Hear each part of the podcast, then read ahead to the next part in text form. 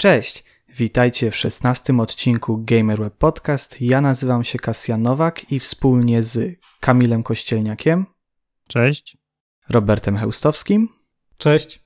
i Tomaszem Piotrowskim. Hej, hej. Porozmawiamy sobie o grach, filmach i e, szeroko pojętej popkulturze. Myślę też, że musimy podsumować mundial w wykonaniu Polski. Kamil, oglądałeś? Na Twitterze. To co, to ten Michniewicz, y, wywalić go czy nie? Wywalić go, ja już bym go wywalił przed mistrzostwami. No, największym problem z Michniewi- największy problem z Michniewiczem jest taki, że go zatrudniono, więc Okej. I to mówi fan y, polskiej piłki Kamil Kościelniak. to tak, polskiej koszykówki. Tak, jak każdy Polak, y, nawet jeżeli jesteś fanem koszykówki, to jak każdy Polak znasz się na zdrowiu, medycynie, a czy Boże, na medycynie, budownictwie, no i oczywiście na grze reprezentacji. Tak, tak, tak. Więc to ja mam bardzo złe zdanie na temat polskich piłkarzy, polskich działaczy piłkarskich i polskich trenerów, bo to jest jakby jedna taka wielka szajka. Zaczyna się od tego, że jesteś piłkarzem i później jakby po karierze dalej rozwijają swoją e, karierę, czy to menadżerską, czy, czy trenerską, no i, no i później nie dziwne, że również trenerów też mamy głupich, no bo głupi piłkarz nie będzie inteligentnym trenerem. A, to generalizujesz teraz trochę. No, pewnie, że tak, no ale no, nie bierze się to jakby z niczego, no spój- spójrz na Czesia. Okej, no ale to Czesiu, wiesz, Czesiu to Czesiu, no ale Koźmiński Marek na przykład, świetny deweloper, znany w Polsce. Tomek Kurszak, który kiedyś takiego babola e, wrzucił w meczu z Kolumbią, też jest deweloperem Mhm. i sobie jakoś radzi w życiu. E, No ale oni biznes robią. No, no potrafią. No do biznesu nie musisz być inteligentny. No, a wydaje mi się, że swoją prezencją, swoim, wiesz, jakimś tam ogólnie swoim Wiesz, życiem no, pokazują, że że generalizuję. To nie jest tak, że uważam, że każdy piłkarz jest tempakiem, no ale w gruncie rzeczy, no jeżeli Okej. miałbym porównać z innymi sportowcami, z koszykarzami czy z siatkarzami, no to uważam, że piłkarze są najbardziej tępi. Mhm, dobrze. Znam kilku. Z Okej. autopsji to trochę znam. W- tak, bo ty wy macie ten KKS Kalisz, nie? Y, Bardzo dobry klub polski. Y, Nie jestem kibicem. Ale jesteście całkiem wysoko, nie? Chyba w drugiej lidze. Tak, tak. A dziwnie się czuję, jak mówisz wy w, w kontekście kaliskiego klubu. No, Ja to raczej jestem Jarota Jarocin, ale Okej. A Jaroty, Jarocin, a to już chyba nie ma, co? Gdzieś chyba upadła, jak dobrze kojarzę. nie, no, klub w Jarocinie jest. Był zawsze wyżej niż KKS Kalisz. No teraz to nie. Dobra, e, Tomku, Michniewicz out. Nie wiem, kto to jest, więc trudno mi Okej, powiedzieć. dobra. I prawidłowo. Tomku, powiedz mi, ty dopiero wczoraj z y, tego rowu z Finlandii wstałeś? Nie wiem, czy oglądałeś i słuchałeś y, naszego podcastu. Ale czy tak się zastanawiam, czy dalej w tym rowie leżałeś i tak ci ominął w ogóle mundial, czy A nie, mnie piłka nożna kompletnie nie obchodzi. kompletnie? Kompletnie mnie ten sport nie interesuje. Jak były te polskie mecze, to śmieci wyrzucałem, więc miałem lepsze zajęcie. Dobra, no nic, no to nie pogadam z wami o piłce, ale to może i to i dobrze, e, bo Game Europe Podcast, no to tutaj zawsze rozmawiamy sobie o grach, e, filmach przeważnie. Dobra. No dobra, to Robert jeszcze, może ty się wypowiedz. Może będzie ten spin-off, o, będzie spin-off podcastu o piłce nożnej. Piłko Web No i- Podcast. Tak, no i w sumie spoko. Y, może zostać, chociaż no ten nasz y, styl nie jest zbyt fajny. W tym meczu z Francją był ok, ale te poprzednie no to jest masakra. No ale z tego, co mówią dziennikarze, to w meczu z Francją nie zagrali tak, jak chciał trener, tylko sobie indywidualnie jakby Aha, no to- ustalili e, taktykę na ten mecz. Czyli już To tak może trener pójść poza sobie. szatnią powiedzieli, że okej, zagrajmy inaczej, tak? Zróbmy coś dla siebie i dla kibiców. Nie, no, No, to myślę, niech że tak, piłkarze się sami trenują. Nie, myślę, że to trochę był taki fake news troszkę. Serio, to... Nie, no jest, jest tyle tych fake newsów, że tam na pewno jest troszeczkę prawdy w tym wszystkim, co się dzieje. Też trzeba patrzeć na to, że to, co teraz mówią piłkarze i to, co mówi e, Michniewicz, to, to nie jest do końca prawda, więc no, No cóż, może jak już y, podcast wyjdzie i ukaże się w sieci, to będziemy wiedzieć, co z panem znaczy, Michniewiczem. nigdy się nie dowiemy, jak było. Ale nie, nie, mówię tylko o jego przyszłości typowo. Mm, Mhm. Dobra, to...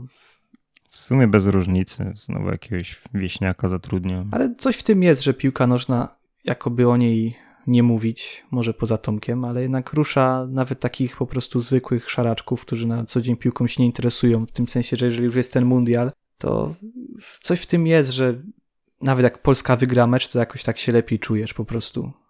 Tak mi się Ale wydaje. rusza, ja czy tak to jest miałem. maszyna propagandy? Chleba i igrzysk na tej zasadzie. No trochę tak, no bo wygrali twoi, tak? Cieszysz się tu, wie- wiesz, jak jeszcze Niemcy Znaczy, no, wie, to jest odpadają, no to y, zawsze Z mojej się cieszysz. perspektywy oni nie są moi, bo to oni mi tych pieniędzy, co zarabiałem, nie oddają, nie? Więc y, No tak, ale jakby, z jakiegoś powodu, wiesz, jest to reprezentacja Polski, ty jesteś Polakiem i... e, ja ci powiem tak. Pamiętam, jak do reprezentacji Polski y, z Afryki ludzi brali, tak? I obywatelstwo im nadawali. A czy to był Więc- tylko jeden taki przypadek, Emanuel Olisadebe? No, E, ale No, teraz tak, tak, biorą z Anglii No, więc Kesha. Więc, więc ja tam nie wiem, jak bardzo mnie reprezentują, no ale to jest y, inna sprawa, nie? Pre, preferuję sporty indywidualne, o, na takiej zasadzie, y, albo y, ligowe jakieś rozgrywki, bo ja nie czuję się reprezentowany i jakoś to mnie też Mhm. nigdy nie podnosi na duchu. Jedyne co, to słyszałem o to, wspaniałej obietnicy naszego cudownego premiera, tak, z której chyba w końcu się wycofał na Tak. koniec, bo, bo on był właśnie tak poruszony tym duchem, chyba że stwierdził, że to jest nasz zespół, więc trzeba im oddać nasze pieniądze. Tak?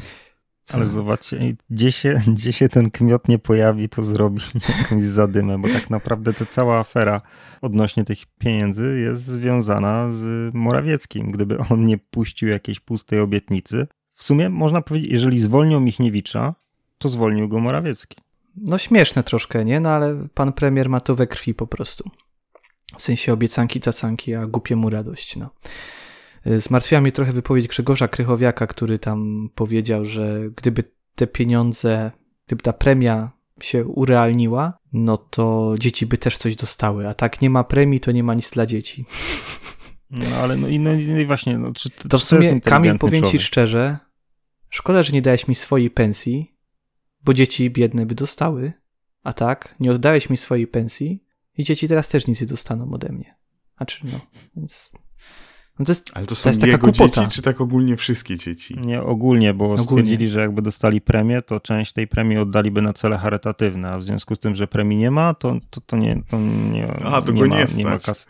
no, tak, bo nasze, no, nasze pieniądze, tutaj Tomek ma rację, nasze pieniądze miały pójść na biedne dzieci, no to teraz jesteśmy debilami, bo nie dajemy im tych pieniędzy, bo to nie dajemy teraz dzieciom, tak?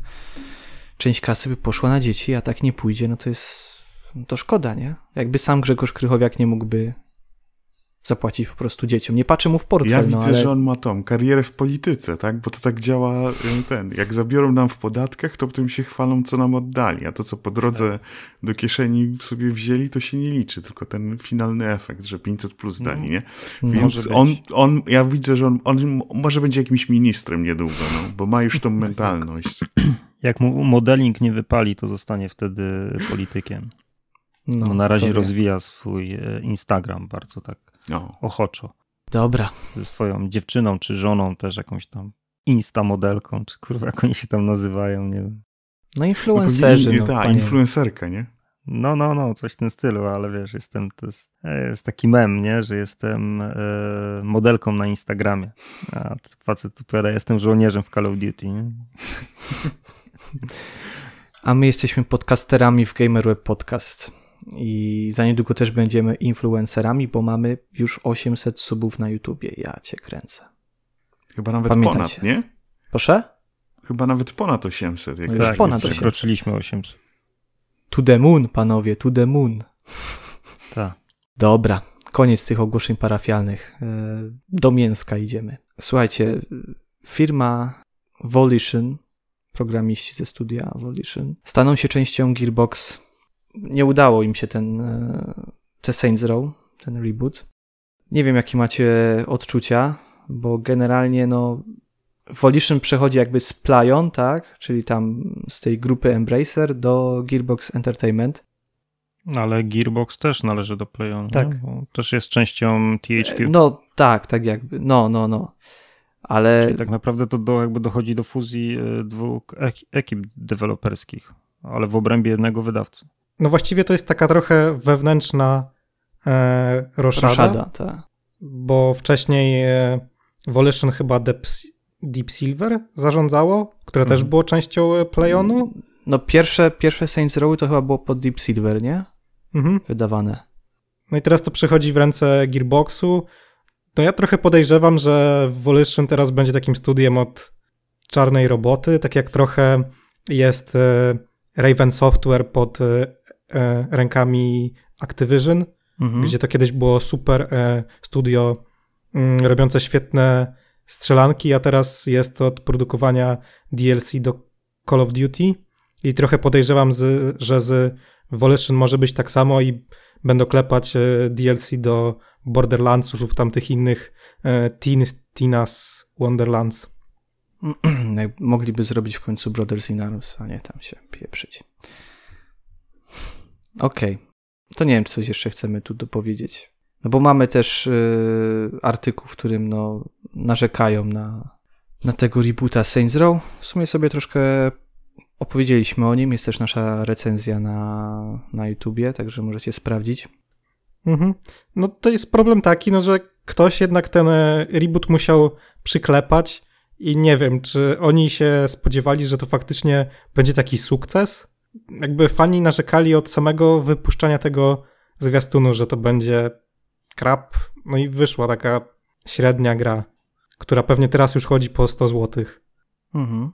A to może przejdźmy dalej. Bardzo często pochylamy się nad grami z Xbox Game Pass i mamy ciekawy wywiad, yy, ciekawe stwierdzenia Josha Sawyera z Obsidian, yy, który wprost mówi, że gdyby nie ta usługa, nie powstałby Pentiment. Krótko mówiąc, yy, no nie uważa, żeby to się sprzedało, żeby było to możliwe, żeby taką, nazwijmy to, ambitną grę stworzyć. No i przede wszystkim chodziłoby o to, żeby stworzyć, że musiałby się skupić na takich grach, które miałyby większą szansę na zwrot z inwestycji, mhm. tak? Czyli mamy, dajemy jakieś nakłady i liczymy na to, że mm, zwrot będzie jak największy. To jest oczywiste, tak samo jak deweloper budując y, osiedle, no to też mieści tych mieszkań jak najwięcej, żeby tylko mu się zgadzało, e, żeby mu się tylko bilans w Excelu i tabelki zgadzały i kolorowały się na zielono. E, no, recenzowaliśmy Pentiment. Jest to bardzo ciekawa gra, Robert. Ty chyba dałeś ósemkę, tak? Mm, chyba tak. Chyba tak.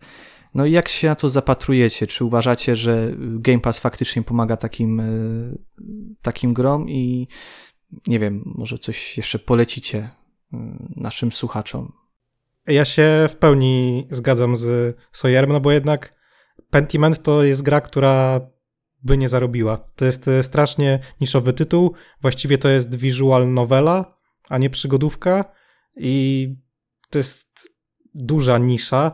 Nie sądzę, by ktokolwiek to kupił tak e, z mainstreamu, a jeśli jest w Game Passie, no to można sprawdzić za pół darmo właściwie, no bo trzeba tylko kupić sobie subskrypcję. I to trochę podnosi prestiż tej usługi, bo jednak dostajemy gry artystyczne, które w komercyjnym e, rynku by sobie nie poradziły ciężko było je wypromować, mhm.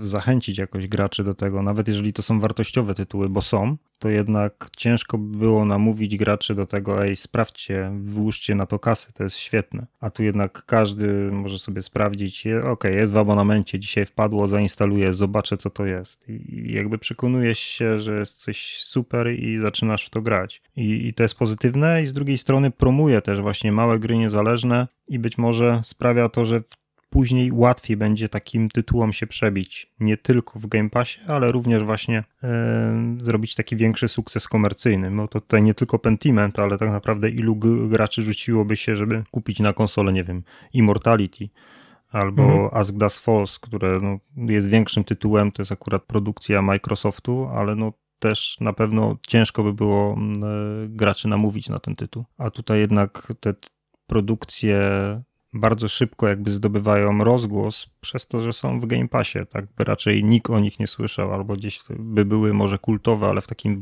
w bardzo wąskich kręgach. Łatwiej by miał taki Scorn, który jest grą kontrowersyjną w jakiś sposób, gdzieś już stylistycznie przyciąga, więc pewnie wiele osób chciałoby to sobie przetestować, ale jeżeli mówimy o takich właśnie grach jak Pentiment, artystycznych, takich nietuzinkowych, no to to jest duży plus.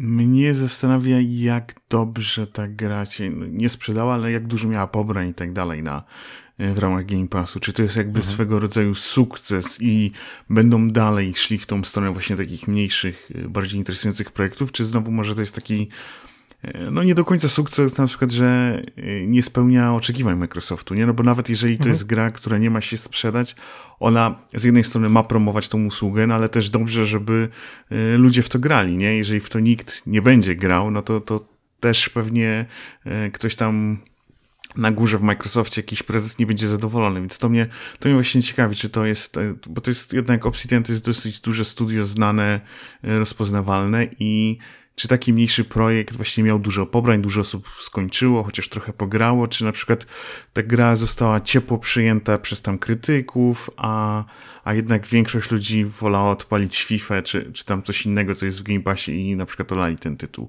To, to, to, to dla mnie byłoby sporym wyznacznikiem tego, jak ta sytuacja będzie wyglądała w przyszłości. No ja mogę powiedzieć na podstawie achievementów, bo co prawda nie wiem ile osób w to zagrało, ale jak sprawdzałem jeszcze kilka tygodni temu, tam tydzień po premierze, to mało osób dochodziło do połowy. Raczej hmm. się koncentrowali na jednej trzeciej i już od połowy mm, achievementy za przechodzenie gry miały ten taki kryształek, tam za 10% chyba? Poniżej 10%. Tak, tak. Ale to i tak nie jest źle. Bo właśnie no dużo grę, to... z takich mhm. produkcji w Game Passie, mnóstwo osób instaluje tylko po to, żeby odpalić, sprawdzić i, i na tym kończy się ich przygoda z grami. Zauważyłem, że mnóstwo jest takich produkcji, które nawet czasami mnie szokowało, że w sumie tylko za przejście kolejnego etapu dostawałeś trofeum i sprawdzałem, porównywałem jak te trofea wyglądają na e, PlayStation, jak wyglądają na Xboxie. Na Xboxie trofeum miało 3%, e, na PlayStation miało 60%. Mm. Ale to był tytuł, który był w Game Passie. Czyli wiadomo, że ludzie sprawdzają i mało osób w ogóle, poza tym, że uruchomi tą grę, mało osób ją kończy. Na PlayStation jednak kupisz ten tytuł, no to jak kupiłeś, no to w niego zagrasz. Nie? Ale jaka jest ta proporcja właśnie tych graczy, którzy ukończyli grę na Xboxie i ukończyli grę na PlayStation. To jest ciekawe, bo samo uruchomienie na Xboxie nie jest miarodajne, no bo mnóstwo osób po prostu zainstaluje, bo jest w Game Passie, ale właśnie ile osób ukończyło tą grę albo chociażby, nie wiem, dotarło do połowy, że, że, że poświęciło jej troszeczkę, troszeczkę czasu. To jest, to jest interesujące. Ale wydaje mi się, że Microsoft nie jest naiwny i on też nie oczekuje jakichś nie wiadomo wielkich statystyk po takim tytule jak Pentiment. I w ogóle fajne już jest to, że zauważa potrzebę wrzucania takich gier do swojej usługi. Że nie zależy mu na tym, żeby też wrzucać jakieś wiele, nie wiem, mogliby się skupić na grach AAA, ale jakichś starszych, 4, 5, 6-letnich, a mimo to wolą wrzucać mniejsze tytuły, ale debiutujące w tym czasie nowości. Okej. Okay. Myślę, że możemy przejść do kolejnego tematu. Skończył z żywot Deus Ex Go. To była taka mała produkcja mobilna. Nie wiem, czy to też się ukazało na PC. Może tak, nie... było też na PC, tak. Było, okej. Okay. Ale to przede wszystkim chyba zaczynało się od mobilek, nie? Bo to były takie e, spin-offy od gier Square Enix. Mhm. Tam było jeszcze chyba Hitman Go. Hitman i Tomb Raider. I tak, e, Tomb Raider, panie Robercie. No, Lara Croft się to nazywało. No, okej. Okay. Chociaż może Deus Exa nie było. Wiem, że którejś z tych gier e, z Go w tytule nie było na PC. No dobra. Nevermind. No mniejsza. Tak czy tak, to była taka to, to szybko się wydarzyło, nie? To trzy gry raptem i, i koniec tych, tych, e, tych serii Go. No teraz się okazuje, że koniec na zawsze, że tak się wyrażę. A szkoda, bo to fajna gra. No generalnie komunikat taki się pojawił e, ze studia Onoma. Wcześniej to się nazywało Square Enix Montreal, ale jak już chyba też kiedyś informowaliśmy, grupa właśnie Embracer e, w maju wykupiła mm, od Square trzy studia to było Crystal Dynamics, tak? Square Enix Montreal, czyli właśnie teraz ta Onoma i chyba jeszcze Eidos. Eidos. Okej. Okay. No i wyszedł taki komunikat tego studia Onoma, że gra została wycofana ze sprzedaży z dniem 1 grudnia właśnie na App Store i Google Play, a 4 stycznia gra zostanie już całkowicie wygaszona, nie będziemy mogli jej nawet uruchomić, co ciekawe. I oprócz tego Deus Ex Go zakończą jeszcze swój żywot takie gry jak e, Arena Battle Champions, Hitman Sniper The Shadows i Space Invaders Hidden Heroes. O tych grach e, się może nie wiem, ja się nie wypowiem, bo nie znam, ale Deus Ex Go było całkiem fajne, no i szkoda. No i szkoda mhm. przede wszystkim tego, że gracze, którzy zakupili tę grę, nie będą mogli w nią już zagrać. No, to jest bardzo słabe. Właściwie jedynym sposobem, żeby teraz zagrać w tą grę, będzie pirat. Tak. I to jeszcze taki, e, który, bo nie wiem, czy Deus Ex miał wymagane połączenie z internetem, żeby e, uruchomić tę grę. Bo wiem, że niektóre gry tak mają, no i nawet jak się ściągnie pirata, no to ciężko, żeby się połączyło z serwerami, które nie, które nie działają. Tak jest na przykład z jednym asasynem, który wyszedł na mobilki i też skończył swój żywot i mimo, że to była gra parasinglowa, no to teraz się w nią w ogóle nie da pograć. No, a my mówimy tu naprawdę fajnej grze, ale to chyba ma po prostu związek z tym, że zamknięto studio.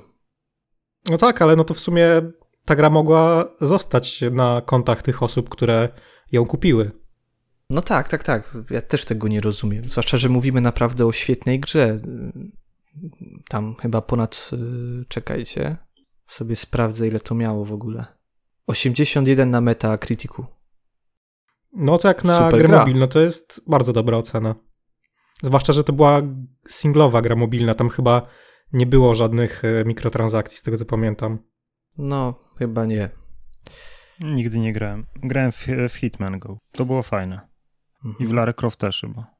Ale w Deus Ex, szczerze mówiąc, nawet nie wiedziałem, że jest taka produkcja. Właśnie dlatego, że ona chyba się też nie pojawiła na Steamie. Tak mi się wydaje, że te. No właśnie, grę... być może to jest ta jedna z trzech, której nie było. No.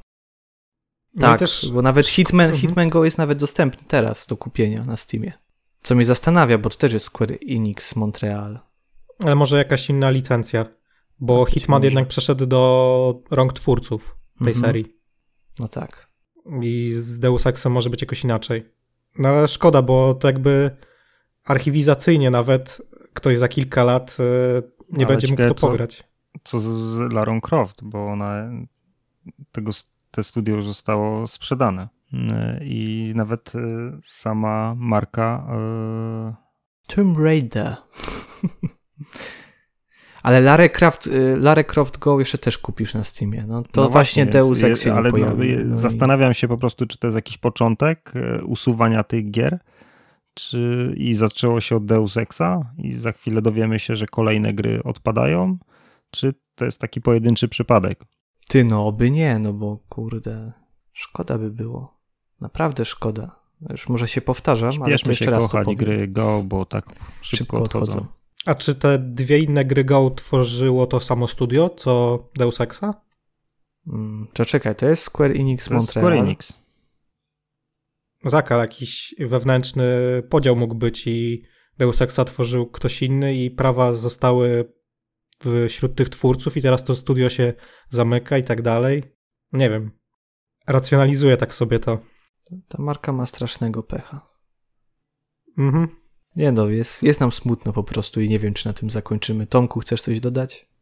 Jak dobrze pamiętam, skończyłem te wszystkie go, więc jak znikną, to znowu nie będę płakał, bo już mam je zaliczone, ale no to jest to piękno tej tylko cyfrowej dystrybucji, tak, że tego nas czeka coraz więcej, bo przypominam, że w styczniu inny tytuł Square Enix przestaje istnieć, Babylon's Fall, za który wołali, tak, 3,5 bomby. I niecały rok wytrzymał, więc e, no niestety, no, to chyba stanie się jakby normalnością już niedługo, że płać za grę, e, po jakimś czasie przestaniesz grać. Tutaj to i tak jeszcze o tyle dobrze, że to trochę czasu trwało, nie? Bo ten tytuł chyba z 5-6 lat temu mhm. wyszedł. Więc więc ci, którzy bardzo chcieli, no to mieli okazję zagrać, nie? Ale jest mnóstwo właśnie takich przypadków, że stosunkowo świeże gry umierają zanim, zanim ludzie zdążą je zauważyć nawet. I, i no to jest smutne i tutaj, tak jak, tak jak Robert mówił, no ten aspekt y, prezerwacji gier by się przydał. To powinno być podnoszone, bo to jest, no, y, to jest coś, co jest trochę ten sam problem, który był kiedyś z kinematografią, tak? Że filmy kręcili i potem e, przechowywanie tych e, klisz, taśm było zbyt drogie i tam wrzucali na przykład do kopalni je. Tak, pozbywali się tego, zasypywali, a 20 lat później nagle ludzie mówili, to ma jakąś wartość i mamy zaginione filmy jakieś, o których ludzie chcieliby e, coś więcej powiedzieć, ktoś pamięta coś tam piąte przez dziesiąte, bo to widział kiedyś w kinie, a to już nie istnieje. No i nie rozumiem czemu jakby branża gier wideo nie potrafi się z tego nauczyć, że to, te jednak rzeczy mają jakąś wartość i, i artystyczną i jakby dla samej kultury yy, też mają, a, a my to wywalamy po prostu jak papierki po, po, po, nie wiem, po zjedzonej czekoladzie czy coś takiego, że to jest to mnie zastanawia, dlaczego nikt nie myśli o tym na, na, na, takiej zasadzie ciągle i nie ma na przykład prawnych rozwiązań, właśnie takich, żeby to było po prostu dla potomności y, zachowane, jako jakiś tam, nawet niech będzie relikt te, tej epoki, nie? Że relikt epoki, załóżmy, gier mobilnych tam e, przed 2020 rokiem, czy coś takiego. No to, to, to jest przerażające i, i dla mnie smutne w takim sensie, że to pokazuje, że w samych twórcach, czy tam deweloper, nie, może nie w, de, nie w samych deweloperach, ale w tych firmach, korporacjach, które tworzą gry wideo, e, gry wideo nie mają żadnej wartości artystycznej, tak? Dla nich to jest po prostu produkt i mogą się go pozbyć jak, jak, jakiegoś, jak jakieś śmieci właśnie, co jest straszne dla mnie. Tak, i jeżeli ta gra rzeczywiście jest usuwana, czyli ona jakby dla wydawcy już nie ma żadnej wartości, on nie chce na niej zarabiać, to dlaczego nie umieścić jej jakby w domenie publicznej? Czyli stworzyć jakąś taką e, platformę, w której by były takie gry usunięte, które można by było pobierać i instalować sobie za darmo. No przecież to jest marnowanie właśnie czyjegoś, czyjejś pracy, tak? Marnowanie olbrzymiego potencjału, jak części naszej kultury. Więc to, to co mówi e, Tomek, no, no, zdecydowanie ma sens. Tak jak jest, nie wiem, ze starymi książkami, tak, które po iluś tam kilkudziesięciu latach trafiają do domeny publicznej, nie ma już ich e, praw autorskich i nawet jeżeli wydawca nie wznawia danego dzieła, to możesz je pobrać sobie z internetu za darmo, bo jest zdigitalizowane. No tutaj nie trzeba digitalizować, bo przecież mamy produkt, który jest, jest już ucyfrowiony. W związku z tym no, można właśnie stworzyć jakąś taką platformę dla takich produkcji, z których mogliby korzystać ludzie i sobie ściągać po prostu takie gry za free. Okej. Okay. Myślę, że możemy przejść do kolejnego tematu. To może tak y, bardziej y, optymistycznie, chociaż nie wiem, co o tym sądzicie. Y, Settlersy jednak się ukażą. Y, pojawi się nowa odsłona, o której w sumie nawet chyba wrzuciliśmy ją kiedyś do premier kwietnia, jak dobrze pamiętam. Tak. Bo ona się już miała ukazać w kwietniu tamtego roku. No i dupa, i się nie ukazała ale się ukaże. Yy, ostatecznie. Teraz to ma nowy podtytuł, bo wcześniej chyba tego podtytułu nie widziałem. The Settlers New Allies. I ostateczną premierę wyznaczono na 17 lutego przyszłego roku. I miejmy nadzieję, że to już jest ostatnia data premiery. Yy, gra jest nawet dostępna w przedsprzedaży. Zaraz wam powiem po ile. Yy, nie, żebym już kupował, ale czekajcie. A może kupię, co mi tam. A 320 zł tylko. Za Settlersy 320 zł? A czy do wersji deluxe, przepraszam, a, a standardowa? A standardowa 250. Jest tak drogo, myślałem, że to będzie ze 140 kosztować. Mm, a po czym wnosiłeś? Po gameplayu? No to nie jest marka AAA, więc tak mogło być trochę taniej. No mogło być, ale w sumie czemu by nie? No na Anno 1800 teraz też zarabiają, nie? To już tam chyba czwarty season pass wjechał, czy tam ktoś tam nazywa, czwarty rok. No tylko, że Anno było chyba trochę taniej. Ono było za 180, jeśli mnie pamięć nie myli. Możliwe, ale to też, wiesz, było na tej zasadzie, że też się gra po prostu ukazała trochę wcześniej. Już mamy troszkę inne realia ekonomiczne i ale w sumie to jest taniej. No przecież teraz gra AAA kosztuje 329 zł.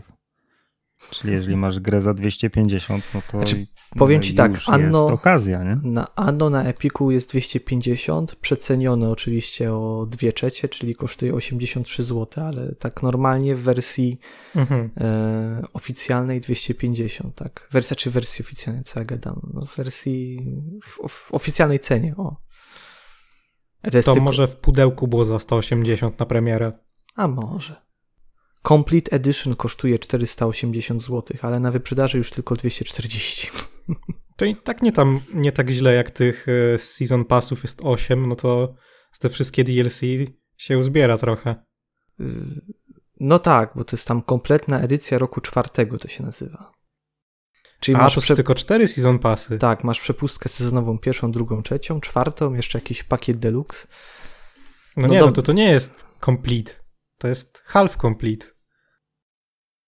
No pytanie, czy complete daje też y, akces do kolejnych edycji, jeżeli jeszcze wyjdą, piąte, szóste i tak dalej. To wtedy bym ci powiedział, że to będzie complete. Dobra, ale nieważne, Settlersy. Ja czekam, mimo wszystko, bo już trochę się na Settlersy naczekałem i tak wypadałoby w końcu zagrać. Zobaczyć. Nie wiem jak wy, czy wy czekacie na Settlersy jeszcze. Tak, ale w sumie trochę się obawiam przez problemy tej gry, czy to faktycznie wyjdzie dobrze. Bo Settlersy mi miały już kilka prób, no i nie zawsze wychodziło tak dobrze, jakbyśmy chcieli. Mhm. Ja myślę, że nie będzie może aż tak źle. No. Kurczę, no trzeba wierzyć. No jednak yy, takie marki też są potrzebne. Moim no zdaniem. oczywiście, że są. No, a gra też ma się ukazać na konsolach tak w ogóle. Mm, ale na razie tylko na PC. Także zaklepuję do recenzji w razie czego. A Tomek, y, Kamil, wy czekacie? Czy niezbyt? Ja nie. Nie, nie, nie. A Tomek? Kompletnie nie. Ostatnie dobre Settlersy wyszły 20 lat temu. A, więc... teraz to y, żeś trochę pan przegiął. Nie, tak jest prawda. Settlersy 4, ostatnie dobre Settlersy 21 lat temu. Nie, jeszcze były te dobre, mm, jak one się nazywały? Nie, edycja dziesięciolecia, zaraz ci powiem. Te z wikingami chyba. No chyba nie mówisz o Settlersach 2, które po prostu nie, jeszcze raz wydali, nie, tak? Bo to się nie liczy. Nie. Panie, to nie. Albo? nie, nie, nie. Rise of an Empire to chyba były też dobre. 2007. Ale jeszcze były inne. Nie, te nie były dobre. No mówię ci, no. Od kiedy seria przeszła w ręce Ubisoftu, przestała być dobra, no. Jak to robili Niemcy z Blue Byte, to były dobre gry. No to Blue Byte jeszcze też robiło, tylko no oczywiście się nazywało Ubisoft Blue Byte, ale to Dziedzictwo Królów, te były dobre. Jak kojarzę, tak przynajmniej. Dobra, no będziemy mieli różne opinie, no ale e, załóżmy, kiedy wyszło twoje Dziedzictwo Nie, no, Królów? 2005, no tak, to jest 17 lat, no niech ci będzie. No to właśnie, no. Aha, no ale e, dziesięciolecie też było spoko, tak, też bym chciał zaznaczyć. Remake też był spoko. Chociaż, no, uważasz, no, że to była liczy. stara gra, po prostu jeszcze raz wydana, o. nie? Okej, okay. no nie, dobra, niech będzie. Niech będzie. Nie będę się kłócił. Eee, dobra, to co, za dużo już, już może o Settlersach to jeszcze sobie polecimy. Znaczy, no. bo jeszcze jest ważna rzecz, nie? Czy na pewno wyjdą? Bo nie miała wyjść ta gra, jak to ta o piratach wspaniała, już miała kilka razy wyjść i była przekładana. A e, ten. Tak, Skull. Tak, tak. To wyjdzie, I ten. To wyjdzie. I, I wspaniały ten. E, Prince of Persia też kilka razy przekładali, więc wiesz, jak Settlersy przekładają, to też może się okazać, że za pięć lat wyjdą. A dopiero, jeszcze jest nie? Beyond Good and Evil, nie? No. Bo więc na Do razie tego to nie dożyjemy raczej. Dobrze wszędzie, no. Ale no jednak tutaj jest już y, y, podana premiera, nie? A w przypadku Prince of Persia i Skull and Bones przez większość czasu było, że po prostu jest w produkcji. Nie no, była premiera 9-11 listopada Skull and Bones. No tak, tak ale no, przesunęli na, na marzec. Na marzec. No a przy przypadku y, Księcia Persji, no to nie mamy w ogóle daty. No nie. Książę Persji miał jedną datę, ale się nie ukazało, no i teraz ta gra przeszła w ręce innych twórców zupełnie. Tak, no były preordery i wycofali tak, preordery, ja więc ja nawet to, że coś tego ma datę premiery, no, datę premiery ma preordery, to jeszcze nic nie znaczy w przypadku Mi zwrócili pieniądz. No tak to jest, jak się chce przyjanuszyć i się bierze e, wykonawców z Indie, zamiast wziąć normalne studio. No i teraz Zrobili, ci no. wykonawcy... No zrobili to, co zrobili, a Ubisoft i tak e, wrócił Prince of Persia w ręce prawowitych twórców i muszą robić wszystko od początku właściwie. No Więc tak, no tam chytry dwa razy traci. Tam inaczej się nie dało, bo ta gra wyglądała jak zery PlayStation 3. a niektóre elementy miała nawet gorsze niż w oryginale. No, oryginał w kilku miejscach wyglądał znacznie ładniej, bo miał przynajmniej jakiś e, bajkowy art style, no a Mhm. ten, ten e, remake był taki plastelinowy. Tak w stylu e, GTA, Trochę, tych, e, no, tych odświeżonych, Tak. w wersji definitywnej. No ale w przypadku takiej produkcji, no chyba czegoś innego oczekują gracze. Jedziemy, Casio. No Jedziemy, z tym tematem. Daj coś fajnego, bo na razie same. Co, no to, to myślałem, że optymistyczne będzie. Ale co? No, Settlersy. No wyjdą. To jeszcze o Settlersach mówiliśmy teraz? A nie, bo no. No nie, no, news był taki, wiesz, y, A, pozytywny. Settlersy, optymistyczne Settlersy, że się Nie, szczerze mówiąc, mam wyjebane na tą serię. Dobrze. Kiedy ostatnie dobre Settlersy wychodziły, Kasjan, No. to ja wiesz, wtedy szalałem. Na Szalałem, mieście. Nie, gierki mi były w głowie, tylko dupy. Mm, to ty miałeś lat. No dobra, nie będę ci liczył. No ile miałem lat? W 2005?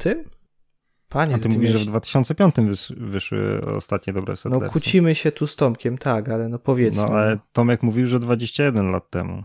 No to Tak, ty miałeś ile? 21 To ty miałeś to miałem 17. 17 lat. No.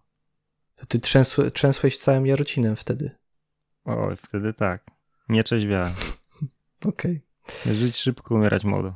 dobrze. No i co, nie udało ci się?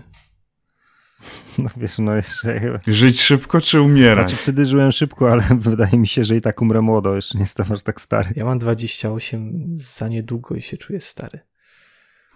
Jak byłem w twoim wieku, też już się tak czułem. Słuchajcie, magazyn Pixel kończy działalność. Nie wiem, czy. O nie. O Nie? nie. A kiedy zaczął? 2014, Jakoś tak. Uuu, no to, to parę lat przetrwało. czyli zaczął się za Tuska i się kończy za Kaczyńskiego. No. Chyba, że w 2015, czyli zaczął się zapisu i, i zdech zapisu. Czyli to może być zwiastun czegoś nowego. Możliwe. Pixel. I wtedy ja mogę po latach powiem Pixel. Tak, było takie czasopismo. Kojarzy mi się z PiS komuną. Dobra, e, ale to co? Jedyne, z czym się Pixel kojarzy, to z tą aferą z Secret Service. Na To- samym Tak, bo początku, oni no. zbierali na reaktywację Secret Service. Wyszło, e, wyszedł jeden numer chyba i potem zmienili na Pixela. I to było, wydaje mi Mhm. się, że właśnie w, w 2014 była ta cała zbiórka. Zbiórka tak, ale pierwszy numer, kurde nie wiem. Ale może końcówka 2014 ewentualnie, ale wydaje mi się, że to już mógł być początek 2015, ale nie, nie, nie, głowy nie daje. Wiecie co? Tak chyba było, bo widzę, że na okładce jest premiera miesiąca Dying Light, a to jest chyba 2015 Dying Light. Tak, luty 2015. Albo koniec stycznia jakoś tak. No. No to się nie mógł raczej ukazać w 2014, skoro premierą miesiąca był Dying Light. Mm, chyba, że ten Secret Service się ukazał w 14. Pewnie tak. I wtedy. Ale w sumie, co to ma za znaczenie? Po, jakby. Czy co, dokąd ta dyskusja zmierza? Ja chciałem tylko. Masz od tego znaczenia. No za której partii powstali, za której upadną, tak? No musimy wyznać winnego, czy to jest wina Tuska, czy... Czy Pło? Znaczy wiadomo, że wszystko to jest wina Tuska, nie? To ten... To jest wina Pło. Nawet jak nie rządzi, to przyszedł im tam do redakcji i wylał wodę. Dobra, na- słuchajcie, dobra, na- już mam. wiem, E, na w połowie- papier. W połowie stycznia 2015 roku w drukarni na warszawskiej Pradze powstał pierwszy numer Pixela. Dobra, ten wątek mamy zakończony, czyli wiemy, że powstało za końcówki Platformy Obywatelskiej. E, To były czasy, kiedy tam... e, Albo dobra, po co ja z wami brnę w tej dys tą dyskusję? Za co zapamiętacie Pixela jeszcze? Po prostu. Ja zapamiętam e, czasopismo Pixel e, z tego, że było. Mhm. Widziałem je czasami na półce w Empiku. I nie kupiłeś nigdy. Nie, nie. Wszystko mam w internecie. Dobra. Osobiście przeczytałem chyba z dwa numery, ale Pixela mm, lubię nie jako czasopismo, ale całą tę koncepcję. W sensie Pixel też wydaje książki e, o grach, organizuje Pixel Heaven, ma też e, meetupy dla twórców, gdzie młodzi twórcy mogą poszukać kontaktów w branży, więc ogólnie samo czasopismo trochę ni ziębi, ni, ni grzeje. Szkoda oczywiście, że kolejne polskie czasopismo się zamyka, no ale cóż zrobić.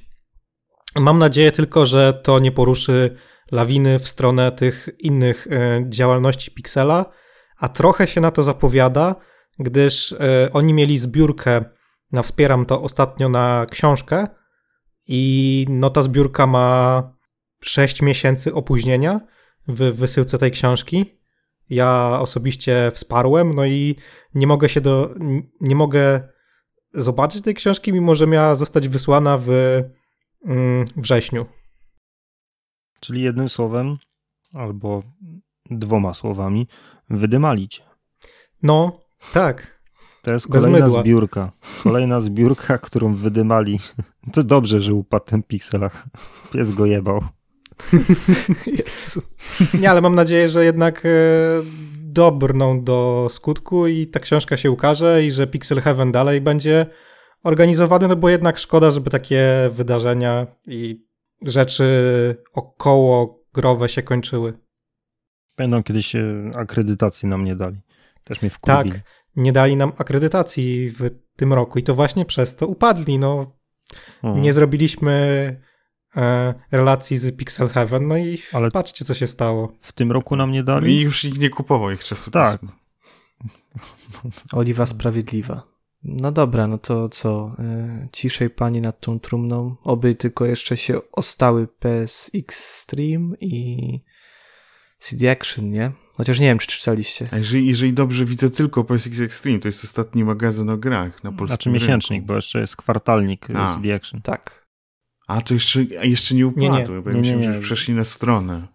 Nie, mają Zmienili. niezłego YouTube'a, mają niezłą stronę i mają bardzo średni ten kwartalnik. Mhm. E, tak, jeżeli chodzi o YouTube'a, to jest jeden z, z lepszych kanałów. E, obecnie stoją... Po gamerweb.pl, tak? No wiadomo, na, nas w ogóle nie liczę. E, ale jeżeli chodzi, no, tak jak kiedyś e, takim wzorem były TV gry, to teraz jednak CD Action jest, jest, jest o wiele lepszym mm. kanałem. No, z TV gry to podpadało mnóstwo osób. Wszyscy ci, których warto było oglądać, teraz jest taka dzieciarnia, że no, ciężko jest to przetrawić. No dobra. To co? Idziemy dalej. Yy, czy chcecie zagrać w Alfę E, Warhammera 40 tysięcy Dobra, nie, jedziemy dalej. Co, czemu? Czter... Dalej, Ale panie, 440 zł i możesz zagrać. No dobra, jedziemy dalej. Ale czemu? Nie panie? chcemy. Nie czemu ale nie no, no, no, Warhammer, ale słuchaj, yy, twórców. 440 zł, to jest moja odpowiedź, dlatego nie, jedziemy dalej. No dobra, nie to nie, no dobra. Dobrze, no to pan. Widzisz, szybkie pytanie, szybko odpowiedź. Dobrze, no to. Yy, jak ja będę prowadzącym podcast, to będzie trwał 25 minut. No możemy się zamienić. Przecież to, panie, no, jak najbardziej. Godzinka składania to by był highlight. Do, proszę bardzo. Dobra, no to Kamilu, drogi, to może teraz cię czymś zainteresuje. Wierzę w to. Czy pójdziesz pan e, do kina na Akademię Pana Kleksa? E, widziałem pierwszy ten krótki zwiastun i wygląda całkiem ciekawie. Reżyseria wiem, czy... Maciej Kawulski, czyli koleś, który e, współtworzy jeszcze mimo wszystko KSW. No ale teraz oczywiście jest też e, reżyserem, tak, już można tak mhm. o nim powiedzieć, bo już trochę tych filmów zrobił. Czy no, widzieliśmy tam kilka takich urywków i, i wygląda to ciekawie, ale no, na razie ciężko cokolwiek powiedzieć o tej produkcji, czy ona będzie warta uwagi, czy to nie będzie taka wydmuszka. Widzę, że chcą zrobić taką polską wersję troszeczkę e, Alicji w Krainie Czarów. Mm -hmm, I zobaczymy, tak. zobaczymy, co im z tego wyjdzie. Chociaż ja mam tutaj wrażenie, że oni chcą trochę zrobić tego Kleksa bardziej na poważnie i pokazać, że on faktycznie jest dziwakiem, a nie mm -hmm. tak jak w tych y, starych filmach, że to była wesoła szkoła, mm -hmm. tylko no jednak Kleks jest jakiś psychodeliczny tutaj. Tak, tak. I właśnie też jestem zainteresowany, w którą stronę pójdą, bo to by było coś ciekawego. Z drugiej strony, no fajnie by było iść na Akademię Pana Kleksa z dzieckiem.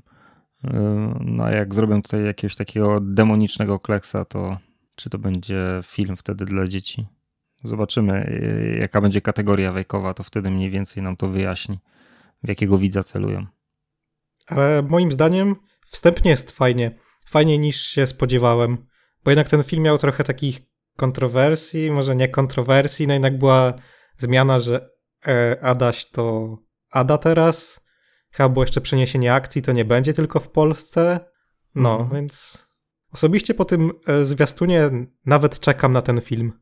Chociaż Kleks e, kojarzy mi się raczej tylko z podstawówką i oglądaniem tego filmu, tego starego, co tam te wilki były i tyle. Tam jeszcze było wiele, wiele części. Było cztery nie? części chyba.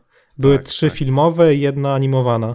Za dzieciństwa kojarzy mi się z, z feriami zimowymi. Często był puszczany. Tam z Ostrowską był też jeden, jedna część z Małgorzatą Ostrowską, z tą piosenkarką.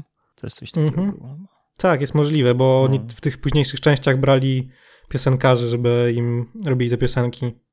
Nie, to były spoko filmy. No, dawno nie oglądałem, nie wiem jak no, teraz do tego podchodził, ale... Teraz raczej nie są spoko. W swoim czasie mi się podobały.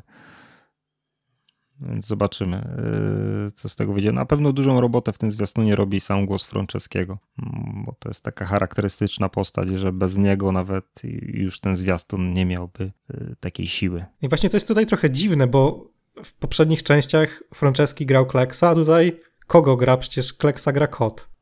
No właśnie nie wiadomo. Może będzie dwóch Kleksów. Ale może Franceski też, nie wiem, jak ze zdrowiem, nie? Może no tak, no ale jednak jest w tym filmie, więc... Nie, no wiadomo, że on już by się nie nadawał na, na Kleksa. Tu już jest y, zaawansowany wiekowo koleś, więc... Ale no swoim głosem jednak e, robi robotę i tutaj nie wiadomo w, w jaką rolę on się wcieli. Wydaje mi się, że właśnie w jakiejś takiej formie narratora się sprawdzi. Mhm. Jest spisany jako jakiś doktor, ale to też jest tak enigmatyczne, że... Tak, może jeszcze jakąś tkliwą historię do tego E, dokleją, mhm. nie wiem, Ada jest na coś chora i przenosi się w świat fantazji. Trudno powiedzieć. No coś na pewno wymyślą. Okej. Okay. No i drugi z filmów, pytanie, czy to też na niego czekacie, to Super Mario Bros. Movie. Nie wiem, czy oglądaliście zwiastun, Robert. Tak. Tak, i w sumie czekam. No, Mario zapowiada się całkiem nieźle. Myślę, że to może być jeden z lepszych yy, filmów na podstawie gier, zwłaszcza, no, że pieczę nad tym sprawuje Nintendo, więc chcę, żeby ich postać wypadła dobrze. Premiera też w przyszłym roku, 24 marca. Tomek? E, prawdopodobnie z obowiązku obejrzenia. Będzie ok, ale obstawiam, że to jest coś raczej dla młodszych widzów. Co nie jest złe, bo na przykład sam Sonic jest przyjemny, no ale to znowu też nie będzie coś, co stanie się moim ulubionym filmem. Jedno, co, co patrzyłem, mam nadzieję, że to po prostu zła była informacja, ale jeżeli dobrze widziałem, premiera w Polsce jest ileś miesięcy później niż e, na całym świecie. Ja mam nadzieję, że to po prostu była, była e, złe info było na, na tej stronie internetowej z premierami, bo chyba na świecie jest właśnie luty, marzec premiera, jak dobrze patrzyłem, to Polska to jest chyba maj dopiero, więc e, mam nadzieję, że to nie jest prawda. Bo to by było bardzo słabe, bo pewnie już byłby na jakimś Netflixie czy gdzie indziej do obejrzenia, zanim u nas by do kin trafił. Co, no to słabe, ale teraz sporo filmów tak wychodzi. E, teraz wychodzi druga część Kota w butach, tego ze Shreka i on też wychodzi jakoś z półtorej miesiąca po oficjalnej premierze, albo z miesiąc. No, to no, z, tym, z tym mogłaby być lipa.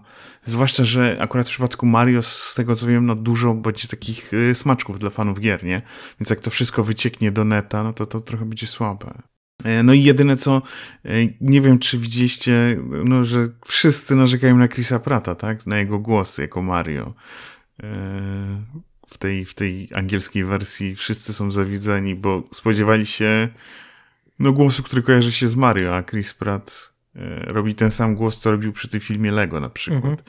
gdzie Emeta grał, czy coś takiego, więc liczyłem na włoski akcent przy Mario. Jakoś tak zawsze mam w ten głos ten Ica mi Mario, ten co, co, co Martinez robi, a tu tego jakoś brakowało i nie wiem, czy, czy będzie się e, łatwo do tego przystosować. Chociaż znowu w Polsce pewnie trafi jakaś wersja z dubbingiem, więc może będzie lepiej. Chociaż z drugiej strony nie wyobrażam sobie znowu Mario mówiącego Ciekawe, po polsku jakoś. Nie wiem jak wy, będzie ale... grać w wersji polskiej. Boberek. Bogusław Linda mam nadzieję, jak tego Kratosa. E, Kratosa. E, Boberek może. Coś Boberkowi dadzą na pewno. No, Boberek tak, chociaż no zbyt charakterystyczny głos, już go wszędzie słychać w tak, każdej tak, grze, więc myślę, że ktoś inny e, lepiej jakby zagrał Mario. Pasował jakiś taki aktor, który jest trochę Januszem. Hmm. Janusz Gajos. No nie. Może jest trochę Kiepski. Januszem, no. No Ferdek Kiewski jako Mario to był niezły czat. Kurwa, nikt by nie rozumiał, o co w ogóle chodzi. Akurat Grabowski, mam, mam z nim taki problem, że e, on ma słabą dykcję i jak mówi w filmach, to zazwyczaj tak jakby coś mówi pod nosem i bardzo rzadko mówię, co on w ogóle powiedział? No i jeszcze do tego dochodzi nagłośnienie w polskich produkcjach, więc akurat z tym aktorem by był Nagłośnienie w polskich produkcjach jest po prostu kapitalne. Wszystko Mhm. słyszysz, panie. Wszystko. Tak. Ja więcej rozumiem, jak oglądam film po francusku, niż oglądam, niż oglądam film po polsku. A nie znam francuskiego, kurwa w ogóle. E, Dobra, no to oui, monsieur. E, idziemy do gier roku, co? Do Tak jest. Game Ale- Awards. Naszych gier roku, czy... Nie, no do Game Cudzych Awards. gier no. roku. Cudzych gier roku. Dobra, no to było The Game Awards i nie wiem, czy mam czytać kategoriami i po prostu będziemy się zgadzać lub nie zgadzać. Myślę, że można wyczytać tylko te najważniejsze, bo raczej nikt z nas nie będzie się wypowiadać na temat e-sportowych i No, tam wiadomo. Nie, nie, no wiadomo, takie pierdy to nie, nie, omijamy. Ale okej, ogólnie, no to nigdy gra nie roku, interesuje. grą roku został Elden Ring. I pytanie, czy się zgadzacie, czy nie. Tak. Tomka nie pytam. Kamil? Ciężko, nie mogę odpowiedzieć. Z mojego punktu widzenia, z mojej perspektywy, e, grom roku powinno zostać A Plague Tale. E, ale no, lepiej, że został nią Elden Ring niż God of War. Widzieliście w ogóle, co się stało podczas e, rozdania nagrody dla Elden Ringa? A, dla tego, rabina Tak. Billa Clintona, tak, tak. Co się stało? Dzieciak wszedł na scenę, Mhm. Wmieszał się między właśnie ekipę z From- From Software. Oni robili te swoje podziękowania, a on na końcu chciałbym nominować mojego zreformowanego e, rabina Billa Clintona. I to jest zakończenie The Game Awards.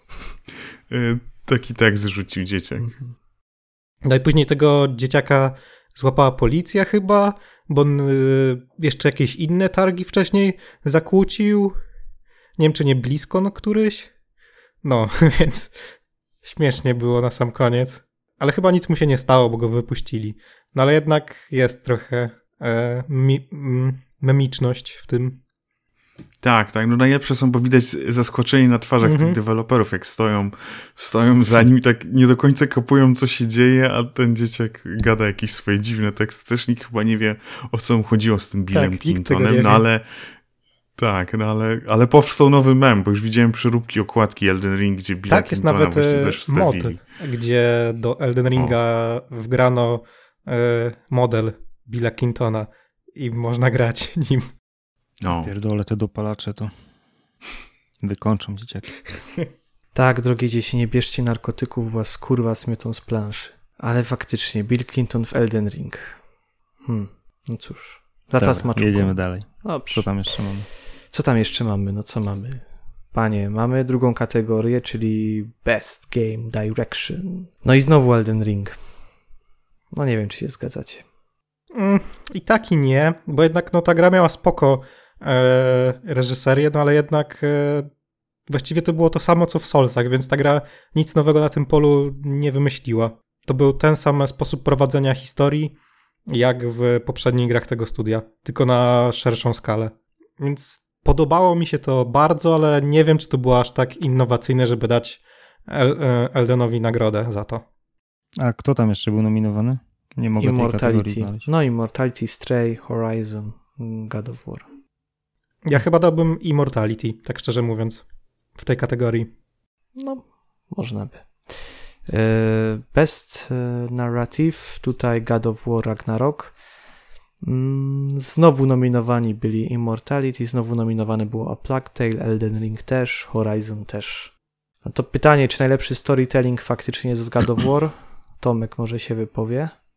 Nie, nie Okej. jest. E, Immortality powinno wygrać. Ma zdecydowanie ciekawszą i bardziej wciągającą fabułę od God of War. Mhm.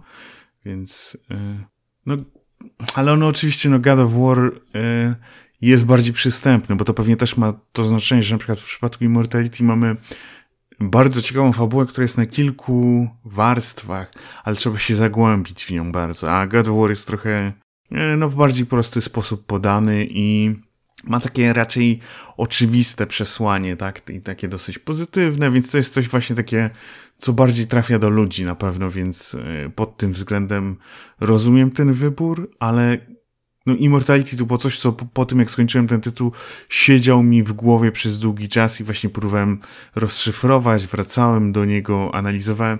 W przypadku God of War'a skończyłem, odłożyłem, no i no fabuła była taka, jak mniej więcej się spodziewałem, tak? Nie było jakiegoś zaskoczenia wielkiego.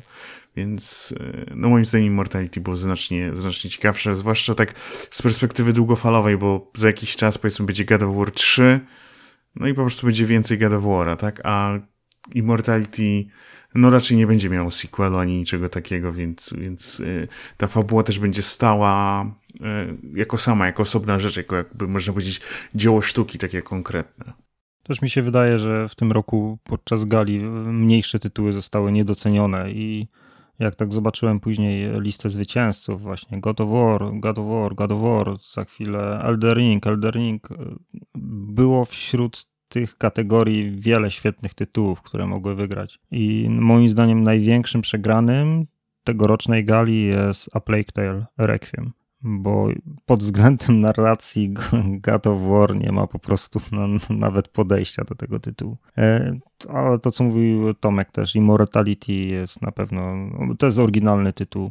Ta narracja, w ogóle sposób, w jaki ona została poprowadzona, to jest bardzo interesujące.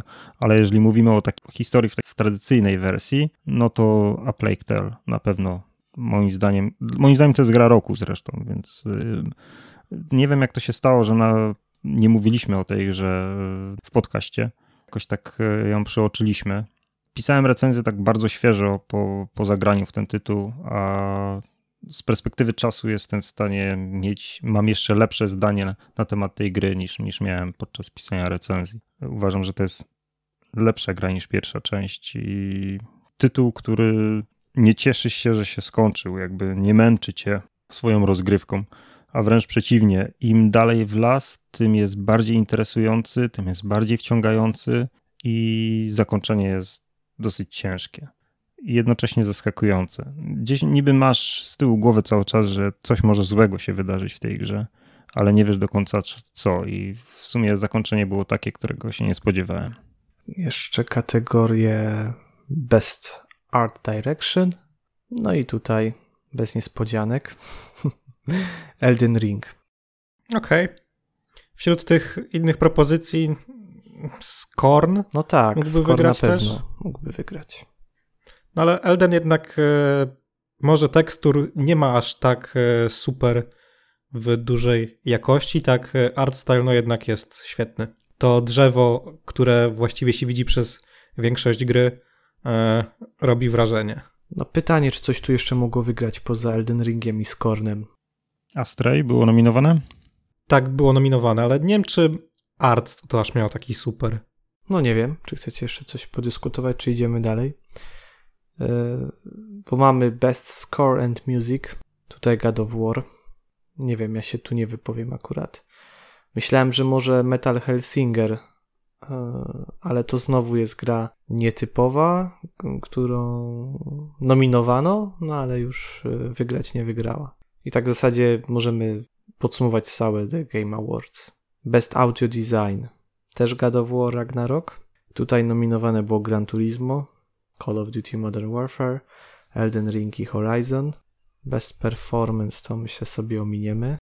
Mm, w Best Performance to dla aktora, tak? Tak, tak, tak, tak. No to tutaj bo można powiedzieć, że e, nominację dostała Manon Gage, czyli aktorka z Immortality. No i to jest dosyć e, fajne, no bo to była bardzo niszowa aktorka i nawet jeżeli nic nie wygrano, to jednak myślę, że trochę podniosło to jej prestiż. Tak, ale to już nawet pisałem, mówiłem w recenzji, pisałem, że jej kreacja zwraca uwagę. Zagrała fantastycznie, no, była hipnotyzująca, więc tutaj się wcale nie dziwię. I zresztą też miała wiele takich odważnych scen, więc to, to nie była łatwa rola. Mhm. A z pewnością aktorka nieznana e, szerszemu gronu odbiorców. To jest szwedzka aktorka i tak w portfolio nie ma jakichś wielkich tytułów, na, nawet w swoim kraju. Dobra, idziemy dalej. Games for Impact. Tutaj może Kamil się ucieszy. As Dusk Falls wygrał. No zdecydowanie. No fajnie, że takie tytuły też dostają nagrody. To była taka kategoria dla gry z przesłaniem, jeśli dobrze mhm. rozumiem, tak? Mhm. I co tam jeszcze było nominowane? A Memoir, A Memoir Blue. Mm, to zupełne nieporozumienie. Ta gra w ogóle nie powinna dostać. E, ciekawy tytuł, ale to jest taka gierka na półtorej godziny i no, mająca jakieś przesłania, ale nie ma w tym nic jakiegoś szczególnie głębokiego. Znaczy, to chyba Fajny ogóle... taki eksperyment. Tu chyba w ogóle nie było raczej wątpliwości w, w tym gronie nominowanych, że wygra Task mhm. Force. Mm, Citizen jest jeszcze podobno dosyć dobrą grą i też z przesłaniem, więc możliwe, że on miał jakieś szanse. Znaczy też jest w Game Passie, nie? Więc mhm. tutaj na pewno Można miał jakąś swoją bazę. Jeszcze nie grałem. No trzeba sprawdzić, zwłaszcza, że chyba mm, to jest RPG, nie? W teorii mógłby się w naszym rankingu pojawić. Zobaczymy. Ciężko powiedzieć. Um, dobra. E, co tu jeszcze mamy dalej? Kolejna kategoria jest fajna. Indyczek. No, tu no. były niezłe rzeczy. Tu mogło wygrać wszystko, może tak. poza Sifu i bym był zadowolony. A dlaczego e, Sifu nie? E, po prostu wydaje mi się, że grając na przykład w Call of the Lamb, to, to wydaje mi się, że... Znaczy ciężko to porównywać, wiadomo, ale kult owieczki był świetny po prostu. Nie wiem, Neon White też jest chyba taką grą, którą tak, wpadałoby sprawdzić. Podobno jest świetną grą. To jest yy, taki shooter, tak? Tylko, że z kartami. Tylko z kartami. No, no ja mam w planach to sprawdzić, ale A tego, to jest w Game Passie? Jak dojeżdża. Jest to w Game Passie, czy nie? Chyba nie. Mm, jeżeli się nie mylę, jest tylko na Switcha i PC. Tak, jest na PC-tach. 98% ocen no. pozytywnych. No, no myślę, że to może być jedna z gier tego roku. Ajajajajaj. Kurde. Dam se to do listy życzeń, zobaczymy. Może sobie to sprawię. Bo też mi ten tytuł chodzi do. chodzi po głowie, tylko nie dałem go jakoś do listy życzeń jeszcze. No, to, można, to może być fajne. Yy, dobra, to, a coś macie tutaj takiego indyczego, co byście wsadzili tutaj do tej piątki? Zamiast którejś gry? Ja chyba zamiast tunik bym dał kart szarka. Mhm. No właśnie, właśnie, Kartrzak też tutaj mógłby się znaleźć jak najbardziej. Ja przede wszystkim Stray nie uznałbym za grę niezależną. Mhm, tak, uważam, tak, to jest że to jest gra AA. Mhm. To jest średni budżet, to nie jest indyk. No ale teraz gdzieś się to tak jakoś zatarło, że po prostu wszystko, co nie jest AAA, to, to jest indykiem. Mhm. To jeżeli Stray tu jest, to równie dobrze byśmy mogli jeszcze dorzucić e, e, A Plague Tale. Chuj, chuj, że wygląda jak gra AAA, ale to jest gra jednak ze średniej e, półki budżetowej. Kamil, powiedzmy sobie jasno, a Plague Tale by był u ciebie wszędzie, w każdej kategorii. No to, no to jest świetna gra. No. Dobra. No właśnie o to chodzi, no kurwa, nie mogę tego zrozumieć, jak ten tytuł nie dostał żadnej nagrody. No miał kilka nominacji, kurwa, we wszystkich olali, no na serio, no. God of War, kurwa, że ta gra wygląda jest taka sama jak poprzednia część. To, że dodali, kurwa, gówniarza, który teraz napierdala się ze starym, no to nie jest jakaś innowacja wielka. To jest ta sama gra. A God of War z 2018 roku był grą dobrą, ale nie rewelacyjną. I druga część też jest grą dobrą. Ale nie rewelacyjną, dobrze zrozumiałem.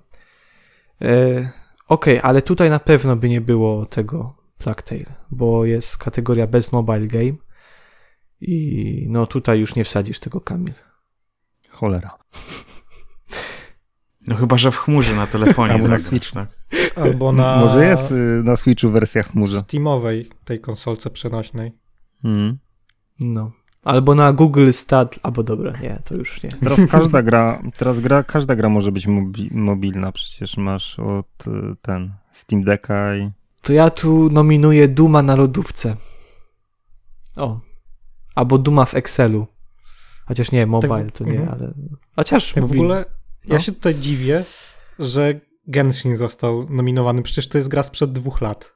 A mobilna wersja tego Genshina kiedy wyszła? No też wyszła jakoś dwa lata temu. I to jest w ogóle dziwne, bo Genshin był jeszcze nominowany w Players Voice, czyli tej, czyli tej kategorii, gdzie nie, głos, nie głosują jakby ci eksperci z jury, yy, tylko gracze. No i była taka wojna między fanami Genshina i Sonika i to była dosyć taka brudna wojna, bo ci fani tworzyli boty.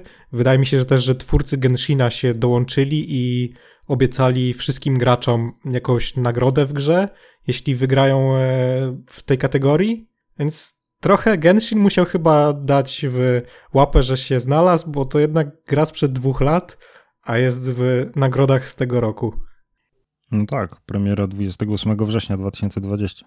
Więc nawet jeżeli by była we wrześniu 2021, to już by było naciągane, no bo jednak wrzesień to jest praktycznie nie końcówka roku, tak dosłownie.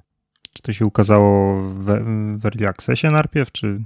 To znaczy to jest cały czas e, rozwijane, bo to jest gra usługa. I tam cały czas dochodzi nowy content, no ale jednak liczymy datę premiery oryginalnej wersji, nie? No właśnie, Nawet ale e, kiedy się jest... ukazała oryginalna, czy, na, czy w 2020 był... Tak, 20. I, i to, to, nie było EA, tylko od razu nie. była pełna tak. wersja niby. Pełna tak? wersja, tylko cały czas ją patchują. No ale to jest tak jak w grach MMO, nie? Że cały czas dochodzi nowy content. No ale nie, nie mówimy, że nie wiem, World of Warcraft wyszedł w 2022, bo wyszedł nowy e, dodatek do World of Warcraft, tylko... To ja bym tu wrzucił Path of Exile przecież, nie? nie? Na tej samej zasadzie. Hmm.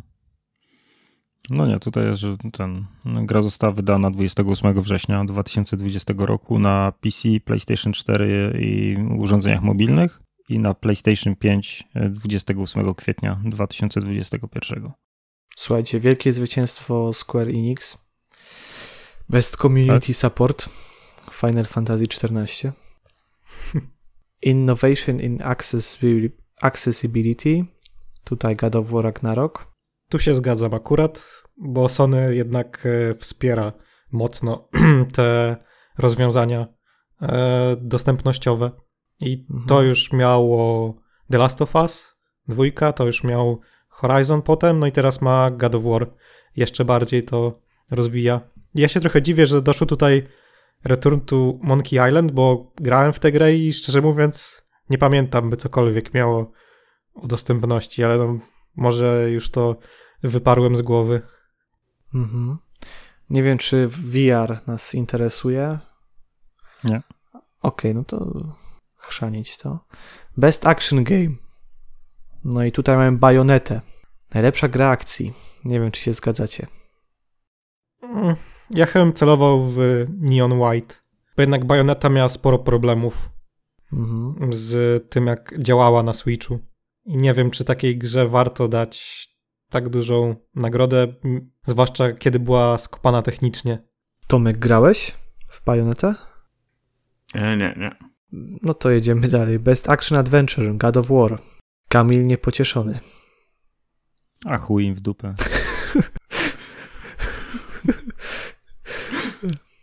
Tomek, coś dodasz od siebie?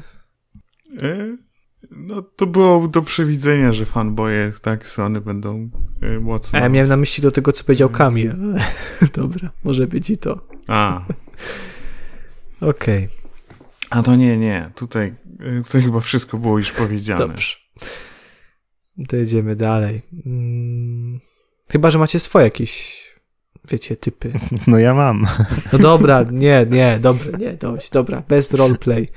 Eee, no, no sama, wiadomo, sama chińszczyzna się tutaj pojawiła. Właśnie to było w tym roku dziwne, że wszystkie gry były japońskie, nominowane do kategorii Best RPG. Bardziej bym się spodziewał nawet, że dadzą jakieś mniejsze tytuły, ale jednak będzie coś zachodniego. Zwłaszcza, ale... że Live Alive to jest e, remake. No nie wiem. Znaczy, tak najprawdopodobniej będzie też wyglądać piątka Tomka w naszym rankingu RPGów. O, może oprócz Pokémonów. A Tomek, dasz te Pokémony, nie? Też. E, na razie się zastanawiam. Albo będą na piątym miejscu, albo mam innego potencjalnego kandydata. Ale też chińskiego, nie? No. no. tak, tak, no bo nic innego dobrego nie wychodziło. A czy nie, ja dalej mówię, że to jest rok Nintendo, no i rok Elden Ringa, no niech będzie. E, także, znaczy ja mam dla ciebie tutaj taktycznego RPGa bardzo dobrego, którego mógłbyś wcisnąć na listę, ale pewnie go nie wciśniesz. Nazywa się Mario Plus Rabbids, no ale go pewnie nie wciśniesz. Smuteczek. Powiem tak, e, grałem w tym roku w z 10 albo 11 taktycznych RPG. I nie wątpię, że Mario plus tam Rabbids jest ok. Tylko jeżeli mam Tactics Ogre mhm. i Mario kontra Rabbids, no to jednak mój głos od razu e, będzie przechylony w, w jedną stronę. Nie będę zdradzał w którą, ale Yy, mam swoje upodobanie i uprzedzenie. Po prostu kochasz kurliki i wiadomo, że zawsze tam, gdzie są tak, tak. Mario, nie? Są kurliki zawsze tam, gdzie są kurliki. To... Tak, no mam przecież tatuaż, nie? Z tymi rodzicami. Z tą z księżniczką, z króliczą, e, z kurliczą księżniczką Peach. Ona jest zajebista. Kasian sobie zrobi taki tak, tatuaż. Tak, tak. Ona jest zajebista. The best of. A podoba ci się, nie? The, best 5 of, y, czy ten, the be, no, postaci z gier. Naj, naprawdę. najlepsza postać kobieca w historii gier. No, zaraz tak y, Polarze Croft to ewidentnie myślę, że kurlicza księżniczka Peach. Jak najbardziej. A jeszcze ta y, Miranda z Mass Effecta. I zaraz potem jest kurlicza księżniczka Peach. A, a moja to a, a misja za Plague. Najśmieszniejsze jest nie, to, że... że tutaj forsował, że to jest jakaś dobra gra, nie? Tylko tak po prostu sobie. Najlepsze jest to, że jak tu siedzimy w czwórkę, to tak, no może byśmy tego, ja tak tego Elden Ringa bym jeszcze tak wpuścił tych bez y, RPGów, nie? Tak, tak by się gdzieś tam na piątym miejscu znalazł, nie? E, ale tak to mamy zupełnie inne gusta co do RPGów nawet. Zupełnie inna lista by powstała, ale zupełnie. Szczerze mówiąc, ja bym musiał sprawdzić, e, co wyszło z RPGów, ale myślę, że coś zachodniego bym jednak dał. No, ja naprawdę. Bo kilka wyszło. Był taki w styczniu, taki izometryczny, tylko nie wiem, czy on nie był w, w Early Accessie. Już teraz nie mogę sobie przypomnieć. Expeditions Rome? Znaczy teraz ciężko nie, nie, jest oceniać gry RPG, bo ten gatunek jest strasznie elastyczny i różne mhm. tytuły można wrzucić do jednego worka. No dlatego Mario jest takim taktycznym RPG-iem y, mhm. zupełnie czymś innym, nie? Niż, niż jakieś tam Soulsy. No ale dobra, tak wracając, y, myślę, że konsensus byłby tylko przy Elden Ringu, a reszta to jest tam leci po prostu no Xenoblade jeszcze. No, to ja, to ja wiem, musielibyście mnie przekupić chyba. nie no, wrzuciłbym to też. Ale to już, ale to już tak, wiesz, to już tak... Na piątym, na, na piątym miejscu. miejscu tak. E... To powiem ci, Kasy, no musisz przygotować swoją listę też RPGów, bo jestem bardzo ciekawy. No, nie, spokojnie, Marvela tam nie wrzucę Midnight Suns, bo ogrywam teraz w recenzji. Nie, ale jestem, jeżeli na tak. przykład, tak. wiesz, Xenoblade jest na piątym miejscu, jestem ciekawy, co na przykład byłoby na czwartym albo trzecim u ciebie. Bo to mnie na sobie interesuje. Dobrze, no to... Marvel ci się nie podoba? Nie, jest ok, tylko no nie, by, nie byłby w topce. Mhm. Jest naprawdę spoko, spokojnie Aha. ogrywam, nie bój się, tylko no to tak, wiesz... Nie wiem, tylko jestem ciekawy. Dobra, to poczekaj. Elden, Rabbids i co dalej? Elden, Rabbids, yy, wiesz co? Ten mod do Gotika, nie, tak? Nie, mod do Gotika w tamtym roku był.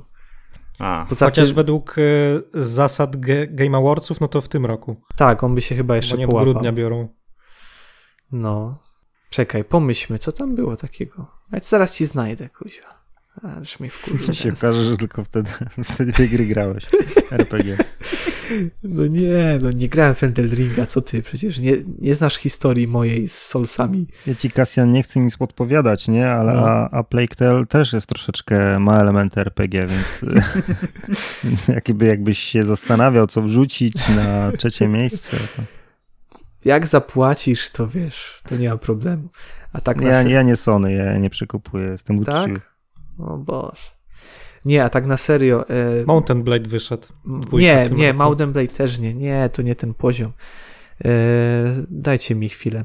Myślę, że musiałbym na pewno zagrać w tego Citizen Sleepera, bo myślę, że to jest taka gra, która faktycznie może się znaleźć e, w wielu takich e, zestawieniach. Kurczę. Wyszedł taki polski RPG, o którym było dosyć cicho. Nazywa się Road Warden i też ma dobre oceny na Steamie. To pan Tomasz się z tego śmieje. To pan Tomasz mówi, gdzie tu panie do Tactics Ogr. Eee... Albo Xenoblade.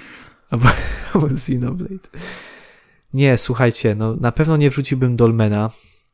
Eee... No nie, no na pewno nie. Ale Na pewno No nie, nie. no jak? Dobrze nie, się wiesz co, zastanowiłbym się nad Warhammerem Może 40 Time tysięcy, tym Chaos, y, Chaos Gate, ale wiem, że już się tam śmiejesz, więc y, pewnie nie. Ale grałeś w to też, nie? Podobało ci się? No było Okej. Teraz DLC Tak, tak, wyszło. tak. Jak, jak, Też dostałeś e, klucz. no, Tak, tak. Ktoś Tak. mi podesłał. Jakiś tom, pan, nie? nie wiem kto. podsyłał. Tak. No tak, No tak. nie, Expeditions Row można by było wziąć pod uwagę, można by też było wziąć pod uwagę tego. Mm, no, Alexa dwójkę, nie, dobra, nie, nie, dobra. Nie, no Alex, nie, no, masakra. Nie, Ale dobra, skończyłoby się na na tym- to, Kasjan, że ta Tomka lista będzie dobra, bo ty tak na siłę szukasz. Tak, faktycznie Gry. w tym roku była straszna bida w RPGach, e, w sensie zachodnich. No było jeszcze w styczniu e, wyszło Nobody Saves the World, taki indyk, ale to bardziej rogalikowy, ale trochę miał z RPG. To było od twórców Guacamili, jeśli pamiętam dobrze. I był Black Geyser, taki trochę baldurowy RPG, ale to właściwie tyle. Dobra, Tomek, e, to powiem tak. Szanujmy się, dajesz tam Mario Plac Rabbids i zapominamy. Reszta może być chińskie, to mnie tam nie obchodzi. Jeszcze ten, y, z polskich gier jeszcze chyba Game Deck w tym roku. Nie, to tam Nie, nie, na na konsolę konsolę. tylko. Na konsolę w tym W chyba. wersji definitywnej, co prawda, no ale. Dobra. Się nie liczy już. E, Best Fighting, panowie, Best Fighting, Best Fighting. Ja się zdziwiłem, że w Best Fighting wygrało Multiversus. Ale coś konkurencja była słaba. W sumie oprócz Sifu to ja nie kojarzę. Co tam jeszcze było? Było JoJo, które było zwykłym remasterem gry z 2013 roku, jeśli mnie pamięć nie myli. E, Był The- King of Fighters tak. i DNF Duels. Ja raczej bym nie dał nagrody Multiversus. Ja się może nie że to jest wypowiem, Taki ale... tani klon Smasha, o tyle, że postacie są z Warner Brosów. A tu do Best Fighting nie mógł wejść ten e, o tych e, żółwiach ninja? No właśnie też się na To tym był bardziej brawler. Aha, no tak, no to może. No ale to też jest jakby bijatyka, nie? Taka... Ale wydaje mi się, że. Nie, no bo w sumie. Dobra, bo tu wszedł Sifu, który też jest brawlerem, tylko że w 3D. Bo te wszystkie inne gry, oprócz Sifu, no to są pojedynki Tak. gracz kontra gracz. No tak. Mhm. No, tylko że Sifu nie. Sifu to jest gra singlowa. Nie wiem, dziwne.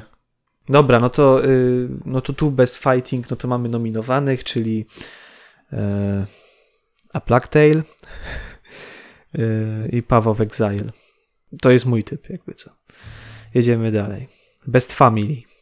O, chyba nie ma niespodzianki jakiejś dużej. No ale w No sumie ja się wszystkie dziwię, że gry, wygrało Kirby. wszystkie gry, które były nominowane mogły wygrać. tak. Ale no nie miałem jakiegoś takiego faworyta. O Kirby chyba jest najsłodszy, więc, więc Chyba wygrał. tak, po prostu Ale bardziej taki- jakby Mhm.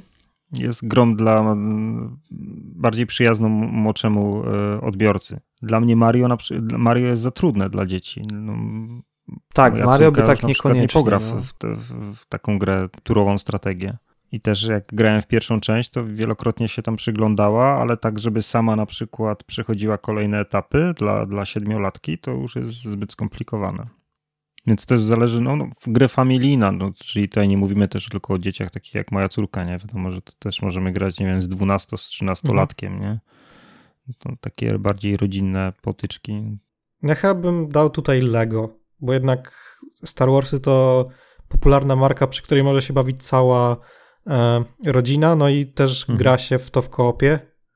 Więc to jest dla mnie idealny taki Trochę tytuł taki do tego. odgrzewany kotlet jednak cały czas, nie? No Te- trochę te, tak. Te, te gry z serii Lego jednak to nie jest coś nowego, czyli jeżeli jak już dzieciak albo grałeś już w, w kilka poprzednich odsłon, no to jakby no, nowe uniwersum, ale to wciąż ta sama gra. Mm, No to Splatoon jeszcze 3, no to taka No strzelanka. to też jest ta sama gra, Mhm. co Splatoon 2 i 1. A Switch Sportsy to jest remaster z Wii U. Mhm. No ten Kirby, no Więc- faktycznie, chociaż nie wiem, ten Kirby to jest trochę dziwne, bo to ten nowy Kirby jest trochę taki postapo, więc nie wiem, czy to jest idealny klimat dla dzieci. Nie, po prostu już przygotowują dzieci na katastrofy klimatyczne i na to, co się będzie działo, więc wiesz, jakby. Znaczy, Robert chce powiedzieć, że brakuje mu tutaj e, psi patrol, kart. No oczywiście, no tak, tak. I Smurfy kart. Polecamy oczywiście paczek ten, lokowanie produktu. Uwaga, uwaga, polecamy recenzję Smurfy kart i Psi Patrol, tam kart Grand Prix. E, na YouTubie nasze recenzje. Nie, ale no w tym roku nie zadebiutowała jakaś taka fajna platformówka 3DS, w którą można by było mhm. pograć z dziećmi. Ja myślałem, że w tym roku wyjdzie ten e, SpongeBob, SpongeBob no ale on mhm. jednak wychodzi w styczniu. Mhm. No ale fajnie, fajnie, że wychodzi w styczniu. Czekam, czekam. Mam nadzieję, że wpadnie przed premierą, to będzie materiał. Jedziemy dalej. E, Best Sim Strategy. No, czy to jest strat? No jest to strategia, no ale no Mario, no, taktyczny RPG, tak to pasuje, no ale no, wygrało, więc no niech będzie. Nie dałbym chyba tutaj Mario. Gdyby nie Mario, no to myślę, że tutaj by musiało wygrać Two Point Campus, ale no nie wiem, czy się Tomek ze mną zgodzi. Czy masz tutaj coś do dodania, Tomku? Bo chyba grałeś w Dune. Nie wiem, czy grałeś w Total War'a. Mm -hmm. No najwięcej czasu spędziłem przy Two Point Campus, więc pewnie na to bym oddał głos, bo też najwięcej frajdy mi mhm. sprawiło. No Victoria 3 ponoć z taką troszkę przestrzeloną premierą. E, no ja oczywiście bym tu głosował na Mario, bo jest Mario, ale no jakby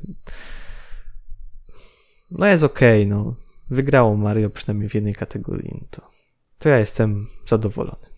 Jedziemy dalej. E, Best Sports and Racing. O Chryste. Gran Turismo 7. Tu mógł trafić Psi Patrol. Też. Starcie gigantów z I jakby wygrał Psi Patrol, to mógł wtedy powiedzieć, mówiłem wam, mówiłem, że Psi Patrol jest lepszy od Smurf. No tak. A czy Psi Patrol ma właśnie tę, tę przewagę nad Gran Turismo, że możesz zagrać w Psi Patrol w Game Passie, baby, więc... A w Gran Turismo możesz grać na podzielonym ekranie? A nie wiem, to szwagra spytaj. Kiedy, kiedy Gran Turismo 7 miało premierę? W marcu? Nie, nie, w marcu. To rację, bo mamy właśnie coś mi się kojarzy, że ta gra już jest jakaś stara i myślałem, że ona może gdzieś tak w listopadzie zeszłego roku, ale rzeczywiście no przecież mamy twój na YouTubie mamy recenzję. No ja, tak, tak, tak, tak. Pozdrawiamy cię, Damian. Yy, a nie wiem, co bym tu zagłosował. NBA, no to są, kurcze, nie, mikropłatności. A Oli Oli to nie wyszło w tamtym roku? Nie, Oli Oli w tym roku. Aha. Serio? Myślałem też, że to jest starsze. Nie, czekaj. Czekaj. Nie, w tym, tylko w lutym. W tym, bo to jak żeśmy startowali z YouTube'em, to wtedy było, że czy chcemy to wziąć. Kamil się pytał. Mhm. mhm. Było coś takiego. No, no to... No ja chyba bym głosował tutaj na Oli Oli, no ale to nie jest gra sportowa. To jest gra zręcznościowa. No mhm. tak, ale chcieli ją pewnie coś wcisnąć, bo brakowało im piątego do... Mhm. Bo nie wiem, co tu jako piąte mogłoby wejść, tak szczerze. A Plague Tale, tam jest taka A... dyscyplina sportowa, rzucy, strzelanie z procy. tak, oczywiście. Polowanie na myszy, a, sport. A jest tam coś z koniami, że się na koniu patataja, czy nie? Nie. Nie? Okej. Okay. Ale tutaj mogli wrzucić e, futbol menadżera chyba, nie? Mogliby, mogliby. A no właśnie, mogliby wrzucić. Nie znają się. A ja bym wtedy głosował na futbol menadżera oczywiście. Dobra. Best multiplayer. Nie wiem, nie znam się, ale wygrało Splatoon 3. No i... Hmm, też się nie znam. Dobrze, Przecież że wygrało. weszły żółwie ninja. Hmm. Mhm. Do best multiplayer. Czy to faktycznie było takie multikowe? Mi się wydawało, że to był bardziej taki singlowy brawler. Znaczy, no w koopie można było też pograć, nie? Mhm. Mm, dobra, co my tam jeszcze mamy? Jakiś content creator to nie, wiadomo. Nie. Że... Znaczy, content creator to wiadomo, gamer.pl. E, best debut indie. Stray. Tomku, ty chyba ogrywałeś Vampire Survivors. I tutaj bym dał im tak? nagrodę. Tak. Bo to jest e, dla mnie druga najlepsza gra tego, ale to już taki mały spoiler, więc... A czy mnie jakoś nie porwało bardzo? Grałem w to, bo to też było w Game Passie. Ale... No się nie znasz, no. Ile grałeś? Jezu, jak agresywnie ruszył. Ja cię kręcę. Tam w Łodzi wszyscy tacy agresywni. Powiem ci, powiem ci jesteś jedyną osobą, której, którą znam, której się to A nie ja nie mówię, że mi się nie spodobało, tylko że tak to no, pograłem, no i tyle, no. No ale już odblokowałeś wszystkie postacie?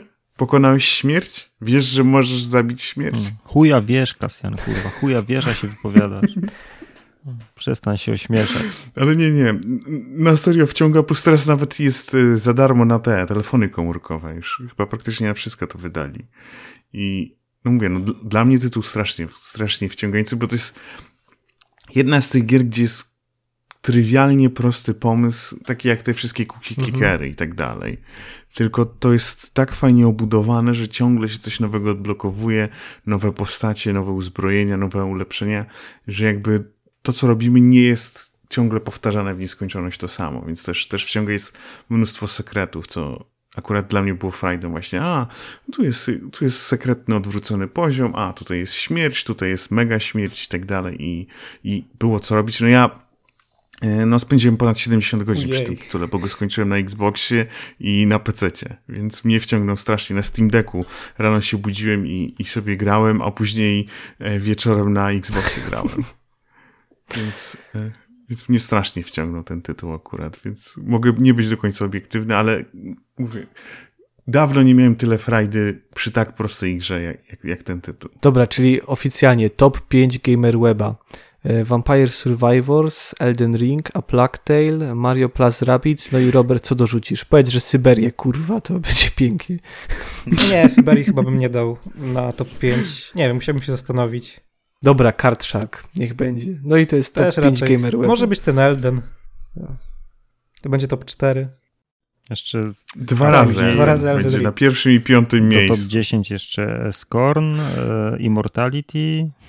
Psi Patrol. Wyjebiam cały Game Pass. No nie, my nie jesteśmy zieloni, my jesteśmy bardzo obiektywni tak naprawdę. Tam dla nas... Może bym dał Cult of the Lamp. O, też. No. no. Wszyscy zapom zapominają teraz o Dying Light, bo tak e, wcześniej zadebiutowało, że nikt nie bierze tej gry pod uwagę. Nie, no do polskiej gry roku weźmiemy, nie? Tak, ale no ogólnie do gier roku też warto się tym tytułem zainteresować, bo w tej kategorii AAA no to to jest e, całkiem dobra, dobra gra. W ogóle w polskich grach roku też będzie ciekawie, bo w teorii da się utworzyć taką trójkę, która składa się jedynie z gier Flying Wild Hog, ale po pierwsze mhm. to by było za proste, po drugie trochę nieprawda. Mm, no tak, więc tak. myślę, że tam jeszcze trochę by namieszał Dying Light 2 i pewnie Blacktail. Ale nie Blacktail, tylko Blacktail. Mhm. Te polskie. No nie wiem, nie wiem. Nie wiesz, nie wiesz? Dobrze. No ale to, no, no nie, no, szkoda gadać. Embargo kiedy schodzi? 15. Aha. Będzie to jest masakra, nie. No, będzie nie. recenzja, czy nie będzie recenzji? Będzie recenzja, tylko starałem się, raczej nie będzie w klasycznym stylu, tylko zrobię w stylu dlaczego ta gra jest 10 na 10 i dlaczego ta gra jest 2 na 10. Bo serio, to jest świetna gra, ale ona jest tak e, skopana pod względem technologii, pod względem tych save'ów, tego jak tłumaczy e, graczowi co ma robić, w to się gra świetnie, no ale potem giniesz i musisz powtarzać 15 minut ostatnie. No to no, zmarnowany potencjał, strasznie. Gdyby to dopracować, to faktycznie mogło być 9 na 10, spokojnie. No, Souls-like ci się podobają, nie? Tak, tylko Też, to nie jest Souls-like. To nie jest Souls-like. Ginie, to... Giniesz i później powtarzasz pół godziny. Wyobraź sobie, jakbyś ginął w Far Cry'u albo w Assassinie, byś musiał żartuję. powtarzać 15 minut postępu, nie? Więc no. Nie, już nawet ludzie narzekali na nawet na taki skorn, gdzie, gdzie też były autosavey, ale były tak niefortunnie porozmieszczane, że się zdarzało, że, że zginąłeś i, i musiałeś dobiec gdzieś, nie wiem, 5-6 minut i to już ludziom przeszkadzało, nie? To już było irytujące. Więc teraz rzeczywiście te, te punkty zapisu wszyscy chcą, żeby były jak najczęściej. No to no, marnujesz czas przez to. Nie? Tak. No i nic nowego nie robisz. I jakby to nie jest dla ciebie wy, y, wyzwaniem, nie? No bo w, so, w Solsach nawet jak giniesz, to giniesz dlatego, że nie jesteś w stanie przejść jakiegoś etapu. A tutaj giniesz, no bo nie wiem, ci przeciwnik po prostu zabije. I tyle. Musisz przez 15 minut powtarzać to samo, co robiłeś wcześniej. No to zobaczymy jeszcze, co będzie w polskich grach, ale 15 gier zbierzemy bez problemu. Tylko panie Robercie, tu widzę, pan wpisał gry do rankingu CTI. Proszę to wykreślić. Nie, czekaj, ja to wykreślę. To jest takie gówno. No to nikt nie będzie głosować. No, ale żeby nawet nie kusiło, wiesz? W sensie, zobacz na Steamie po pierwsze, jak ta gra wygląda. Tak? Tak. W większości Dobra. negatywne 39%, ale to już nawet nie o to chodzi. A czy nie, zobacz jak ta gra wygląda. To... Tam, no niby to jest ciekawy pomysł, bo jesteś operatorem takiego, powiedzmy, nie wiem, jak to Faktycznie, nazwać, to ma tylko monitoringu. 5 na 10 na Steamie. Mm, No, ale to jest takie gówno, w ogóle cały czas to samo się pojawia. Mhm. Boże, odinstalowałem to po 20 minutach. Fatalne. No to wywal stąd. Wywal, żeby nie kusiło. No, jeszcze po tym jakiś Tomek, co tylko w, tam w Chinach siedzi, to rzuci, o, CTI, ciekawa nazwa. Sorry, Tomek, musiałem. Spoko, spoko. E, czyli mam temu max punktów dawać, tak? Już to wywaliłem, więc nie. No, A, czyli muszę dopisać, a potem dodać max punktów, dobra. Tak. Nie no, na następny podcast, Tomek. Nie wiem, Kasjan, co ci chodzi. 60 godzin mam przegrane w to. przegrałem w to na PC, na Switchu, PS4, PS5, Androidzie. Nie no, ale... ale w... Ja w Wampirka grałem na Steam Decku u Damiana i to rzeczywiście fajna gierka wciągająca. Ja nie mówię, że nie, tylko no, nie na top 5. Daj pan spokój. Dobra, jedziemy dalej, czekajcie. Best Adaptation. To nie wiem, czy ktoś chce się wypowiedzieć. A tutaj to były nie gry, tylko filmy, No tak. seriale. No tak, Więc tak, tutaj no jakby wybór myślę, że był pomiędzy Arkane i, cy i Cyberpunkiem. Co jest ciekawe, bo to oba anime od Netflixa. Netflix nie potrafi robić seriali aktorskich, a przy anime im idzie świetnie. tak. Jakieś jeszcze uwagi? Netflix, uj. Ostatnio wyszedł Merytoryka, ten super. nowy Wiedźmin chyba, tak? Od Netflixa. Chyba, chyba jeszcze nie ma premiery, ale... A, ale są recenzje. Są już recenzje, tak. Y, Widziałem, że Radek się wypowiadał na Twitterze na temat. Jak? Bardzo generyczny i nieciekawy. Ogólnie, jeżeli komuś się nie podoba serial Wiedźmin, no to tutaj nie ma w ogóle czego szukać. A Radkowi się podobał drugi sezon Wiedźmina, więc to musi być naprawdę już totalny kupsztal. Kuźwa, co wy macie z tym Vampire Survivors? Jeszcze Michał Jaworski na Twitterze. Nie zainstaluję Vampire Survivors na telefonie, nie zainstaluję Vampire Survivors na telefonie i tak dalej. To może to nie cały świat, tylko ty, zastanów się. Przepraszam bardzo, Krzysztof Wojtyła pisze, zainstalowałem, zagrałem dwie minuty, odinstalowałem. No i git, kurde.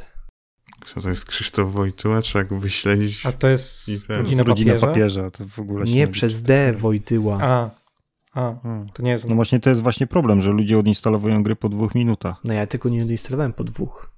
Ogólnie gracze na Twitterze, to jest później podsumowanie roku, kto ile gier ukończył, kurwa. No, tracą całe dnie, żeby pisać o gierkach na Twitterze, wysyłać, jarać się premierami. Właśnie, zamiast roku, tego można grać. a, a na koniec roku, ile gier przedłeś w tym roku?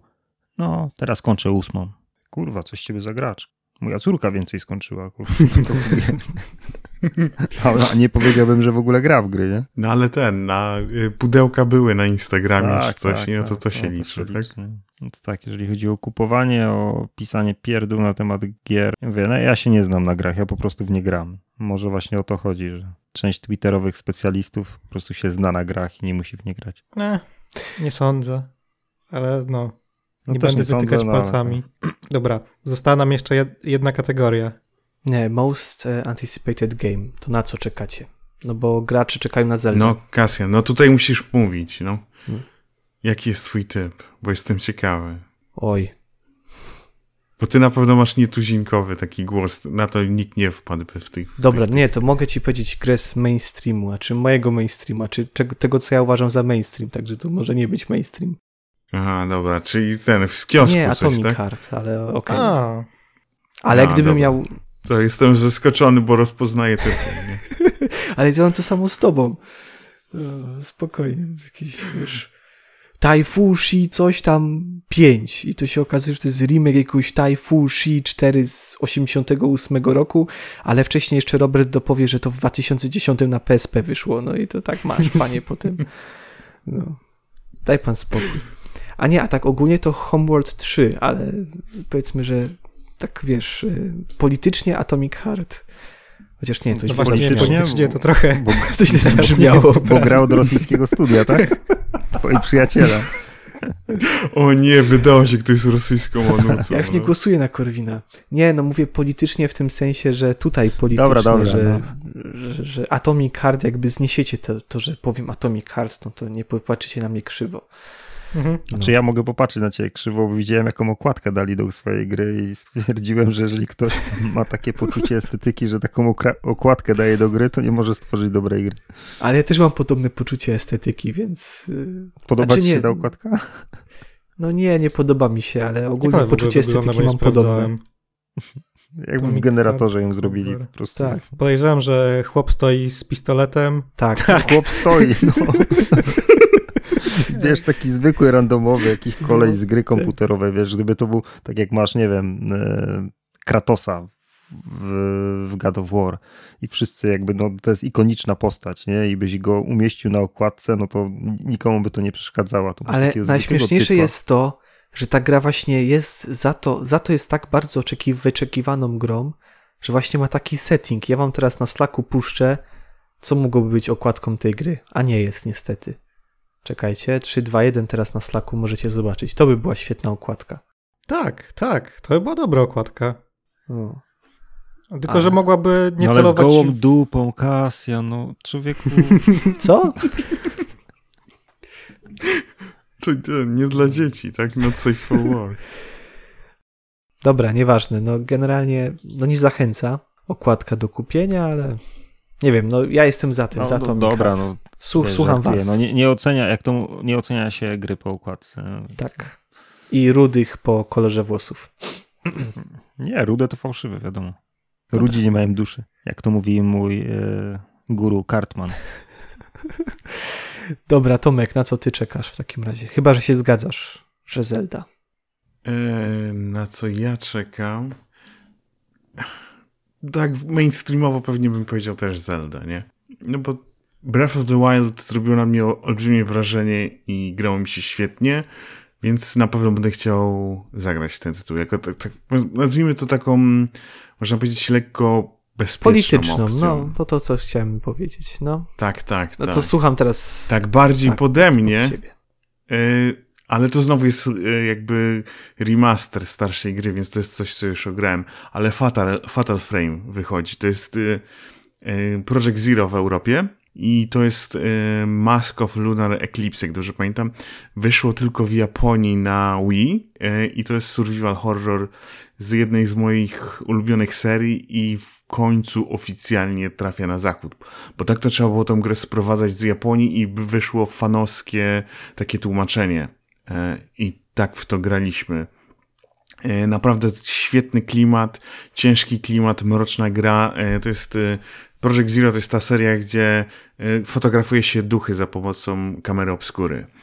Jest strasznie jest klimatycznie, plus e, tutaj taka ciekawostka, akurat przy tej części jedno z moich ulubionych studiów, które tworzy, tworzy gry, e, Grasshopper Manufacture, czyli twórcy mojego ukochanego Killer 7 też e, współtworzyli ten tytuł, więc to jest coś bardzo pode mnie i mam nadzieję, że tym razem ta gra odniesie sukces na, na, na zachodzie, tak? Więc tutaj trzymam, trzymam za nią kciuki i to jest taki mój, bardzo chętnie będę chciał do niej wrócić na, na kolejnej No generacji. i powiedzcie mi, co ja powiedziałem nie tak wtedy. No mówię, Taifuchi 4, masakra. Znaczy, Taif, no, Taif, i wszystko się zgadza. Wyszła jakaś wersja na Wii, niedostępna gra, którą trzeba było sprowadzać kuźwa pociągiem transsyberyjskim albo kontenerami przez Chiny. No, Takie właśnie, tak, i takie potem, takie jest potem to społeczeństwo właśnie, tacy ludzie potem grają w takie gry, no, dobra. No właśnie nie grają, no. To jest zbrodnia. No nie grają, nie poczekają, no. bo w- w- japońska wersja nie dojechała. No. Och Boże. Ja ostatnio jakąś bluzę zamówiłem, z, a to nie dla siebie, ale z chińskiego sklepu i czekam do dzisiaj. Chyba jeszcze szyją. Jeszcze cło za nią zapłacisz. Ta, no teraz, teraz ci dowalą pewnie tak, że widzisz, że cena dwóch bluz, No. nie za jedną. No bo to pójdzie potem na te A premie jeszcze do się piłkarzy. okaże, że za mała, to nie? pójdzie, Pójdzie na te premie do piłkarzy. Dobra. Fatal Frame Mask of the Lunar Eclipse. E, Faktycznie premiera 31 lipca 2008 roku. Ja pierdolę. Kamil, co wtedy robiłeś? Dalej trząsnął, trząsłeś jarocinem, czy już nie? W którym roku? Oj, dobrze, że powiedziałeś, że jarocinem, a nie czymś innym. Ale w którym roku? 2008. 2008, e, nie. 2008 to byłem, na, kończyłem pierwszy rok e, studiów magisterskich. To już był taki miły Kamil. 2008-2009 to kończyłem magisterkę. W 2009 rozpocząłem pracę. Mhm. Tomek, ty już pisałeś do Grasza wtedy, czy jeszcze nie? Eee, w 2008 roku gdzieś pisałem, ale już nie pamiętam gdzie. Ale gdzieś pisałem, e, bo chyba w Graszu od 2010. Ja pisałem do tawerny gier wtedy. Eee, o. Tam z Grasza to się ten Arkadiusz, tak? Tak. Wybił. On prowadził kanał na eee, YouTubie. Tak, tak. Cały, zresztą cały czas tak, ma tak. kanał na YouTubie, ale on chyba też y, profesjonalnie mm -hmm. zajmuje się dźwiękiem i chyba voice Ma dobry głos. No ma dobry głos, no. Tak, niezaprzeczalnie. Tak, tak. On już wtedy w tych reklamach mm -hmm. nagrywał. E, wiem, że i, i, chyba w radiu pracował Malborg. Jak, teraz nie chcę, nie chcę pamiętać, ale tak mi się, jak dobrze pamiętam, to to było Radio Malborg wtedy jeszcze.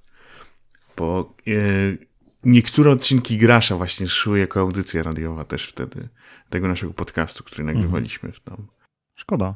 Szkoda, że to tak się zakończyło, bo to jest serwis, który miał duży potencjał, nie? I też był taki nowoczesny pod tym względem, taki na, na, nawet na, na obecną chwilę, że i tutaj świetnie rozwinięty kanał na YouTubie, bo przecież tam też było kilkadziesiąt chyba tysięcy sub, subskrybentów. No coś, coś takiego było całkiem, całkiem, całkiem, całkiem sporo, spoko. No ale no, jakby y, nie ma tego złego, co by na dobre nie wyszło, nie? Więc y, no, Właśnie, inaczej, no jak, inaczej możliwe, że nie byłbym tutaj w podcaście, tak, nie? Tak, A tak, tak to jestem w lepszym podcaście, nie?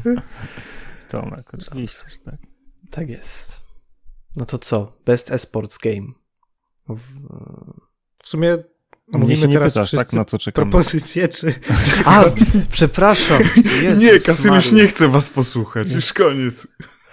No, przepraszam, no ty, Kamil, na A Plague Tale Requiem. Trzy, tak? Kwadrat. Znaczy trzeciej części nie będzie. Nie będzie, aha. No co nie spoilujesz? Będzie. Ja pierdolę, teraz nie mam po co grać. Nie, i tak masz po co grać, bo ja... No właśnie teraz masz bardziej ja też po przed zakończeniem, grać, dlaczego ja też przed będzie? zakończeniem drugiej części dowiedziałem się, że nie będzie i spodziewałem się czegoś innego niż, niż w mhm. rzeczywistości dostałem. Dobra, no to przepraszam Ale bardzo. ogólnie, prze, ktokolwiek w ogóle grał? W, w... Nie. Znaczy Tomek wiem, że grał w pierwszą część, tak? W pierwszą grałem, to mam hmm. pobraną. Liczę, że w przerwie świątecznej hmm. program. No, Kamil. Zdecydowanie lepszy tytuł niż pierwszy. A na co ja czekam? Tak. Panie, na co ja czekam? A są jakieś ekskluzywy na PlayStation 5? Coś mi omija w 2023 Spider-Man. roku? No, Spider-Man się... Spider cię może ominąć. Okej, okay, pierwszy Spider-Man mi się nie podobał. Nudny w chuj. Coś jeszcze wartościowego? E, na VR mm, Horizon. O, to też. Dobra. Kamil, ty nie ja myślałeś, żeby na nagrywać jakiś taki y, sam, samą audycję taką, w której jebiesz Sony przez pół godziny co miesiąc na przykład? Nie, ale wiesz co, y, dziwne, że ja kiedyś y, byłem wielkim zwolennikiem tej firmy. I, I stałem się jej przeciwnikiem, będąc jednocześnie jej zwolennikiem bo to mm, gdzieś tak e, we mnie ewoluowało, że jeszcze jakby nie mając e, Xboxa i już nienawidziłem Sony. Dziękuję ci, pani. E, dobra. to się wytnie, kurwa. O e, Boże. To się wytnie. Na Starfielda czekam, nie? Ale nie jakoś tak, nie wiadomo jak mocno. E, ten polski tytuł na podstawie Leman, Invisible, nie? Mhm. No, to na to na pewno czekam, bo to jest taka gra, która może być czarnym koniem z tych materiałów, co pokazywali, to wygląda to bardzo okazale. Wydaje to 11-bit, więc ja tam jestem spokojny jako tak. Mhm. Nie wiadomo, czy Stalker się ukaże, też na pewno czekam. Na Diablo w styczniu już jest na to czekać. Oczywiście nie na Dead Space, bo to nie będę kupował remake'u za 500 zł, ale no SpongeBob. Dobra. Serio. Okej, okay, no ale śmie słuchaj, to jest, to jest elita platformówek 3D, poprzednia część. Serio ci mówię. Też podchodziłem sceptycznie, mówię, jeszcze widziałem jakieś recenzje na konsolowe i tam e, nie podobała im się, więc myślałem, że gra jest średnia.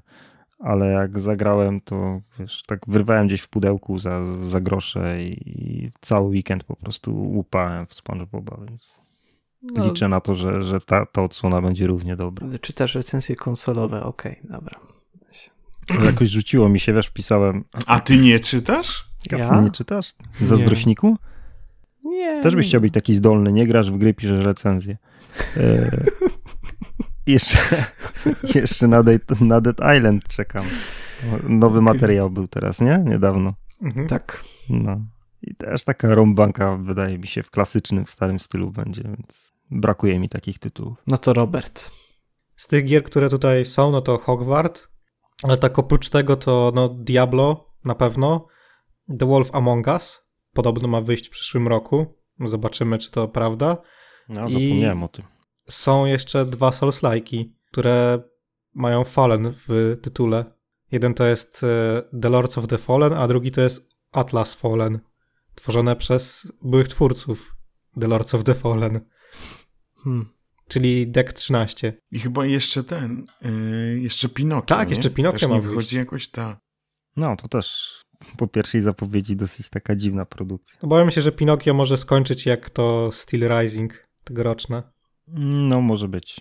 Może być. Okej. Okay. Nie wiem, czy o czymś zapomnieliśmy. No pewnie coś tam można by było jeszcze Na dorzucić, pewno, no ale to jeszcze będziemy mieć własny e, Też ranking może, gier. Wiesz, może więc... się jeszcze okazać, że, że jakaś gra zostanie zapowiedziana i zadebiutuje 5 miesięcy później i się okaże rewelacją. Już zostały pre... zapowiedziane na tym Game Awardsach. No przecież Armored Core ma być chyba w przyszłym roku, tak? No możemy sobie jeszcze o tym powiedzieć, nie? Tak, bo nie powiedzieliśmy, co było w ogóle na tych Game Awardsach, tylko no co tam jeszcze jest? Hades 2, Street Fighter 6, no nie wiem, co tam wam się spodobało. Na Game Awardsach też było to, były ten, czekaj, to z Chuckiem Norrisem, Crime Boss. I to może być fajne, ja to biorę, to recenzję, jak nam dadzą oczywiście. Death Stranding 2 było, to dla fanów Kojimy. Czekaj, ja ostatnio odpaliłem i zacząłem grać mm. na PC-cie. Baldur's Gate trzyma datę premiery. To jest według mnie spoko informacja. Mhm. No i to, że wraca Minsk do Baldura czyli jeden z takich bardziej ikonicznych postaci, taki barbarzyńca z chomikiem. Jeśli ktoś nie grał w stare Baldury. No co my tam jeszcze mieliśmy? No Death Stranding 2, Tekken 8. EA miał to Immortals of Evium. Mhm. Evium. No i to ten, Jedi Survivor, nie? Też od EA. Mhm. No ogólnie... O, wiem co było. Była gra Kena Levin. Judas. Judasz. A, właśnie o tym cały czas myślałem. Kurde, nie mogę sobie przypomnieć tytułu. Tytułu, no, tak. Wygląda jak Bioshock. Właśnie, jeden tak, tak, tak, tak. Aż, ktoś... aż za bardzo troszeczkę. I... Ktoś moda stworzył no. po prostu. Obawiam się, żeby to nie wyszło tak samo jak z Kalisto Protocol, że wyglądają jak e, Dead Space, no i wyszło spoko, ale nie aż tak. A czy nie, chociaż nie powiedziałbym, że Kalisto Protocol wyglądało jak Dead Space, tym bardziej, że Dead Space już jest taką grą, która no, zadebiutowała, ostatnia część miała premierę no, prawie 10 lat no, Tak temu. samo jak Bioshock. Tak, no, no a tylko, że no, Kalisto Protocol jednak e, tak tą oprawę graficzną ma e, bardzo w taką fotorealistyczną. Tutaj mhm. e, no, nie, nie jest aż tak dobrze. No tak, tak, tak, ale pod względem znaczy, Dead Space mechanik, ten klimat, nie? nie? Tak, ale Taki tutaj od razu klimatu. jakbyś widzisz projekt lokacji nawet mhm. w tej grze i od razu pierwsze, co ci się nasuwa, kurde, to jakby ktoś ci powiedział po, po kilku grafikach, że to będzie kolejna odsłona Bioshock, bierzesz to w ciemno. Aha, jeszcze jakaś bijatyka z Crashem, nie? No tak, ale ludzie chyba nie są nią zadowoleni. Nie, bo trochę będzie wyglądało jak odcinanie kuponów od marki. Mhm.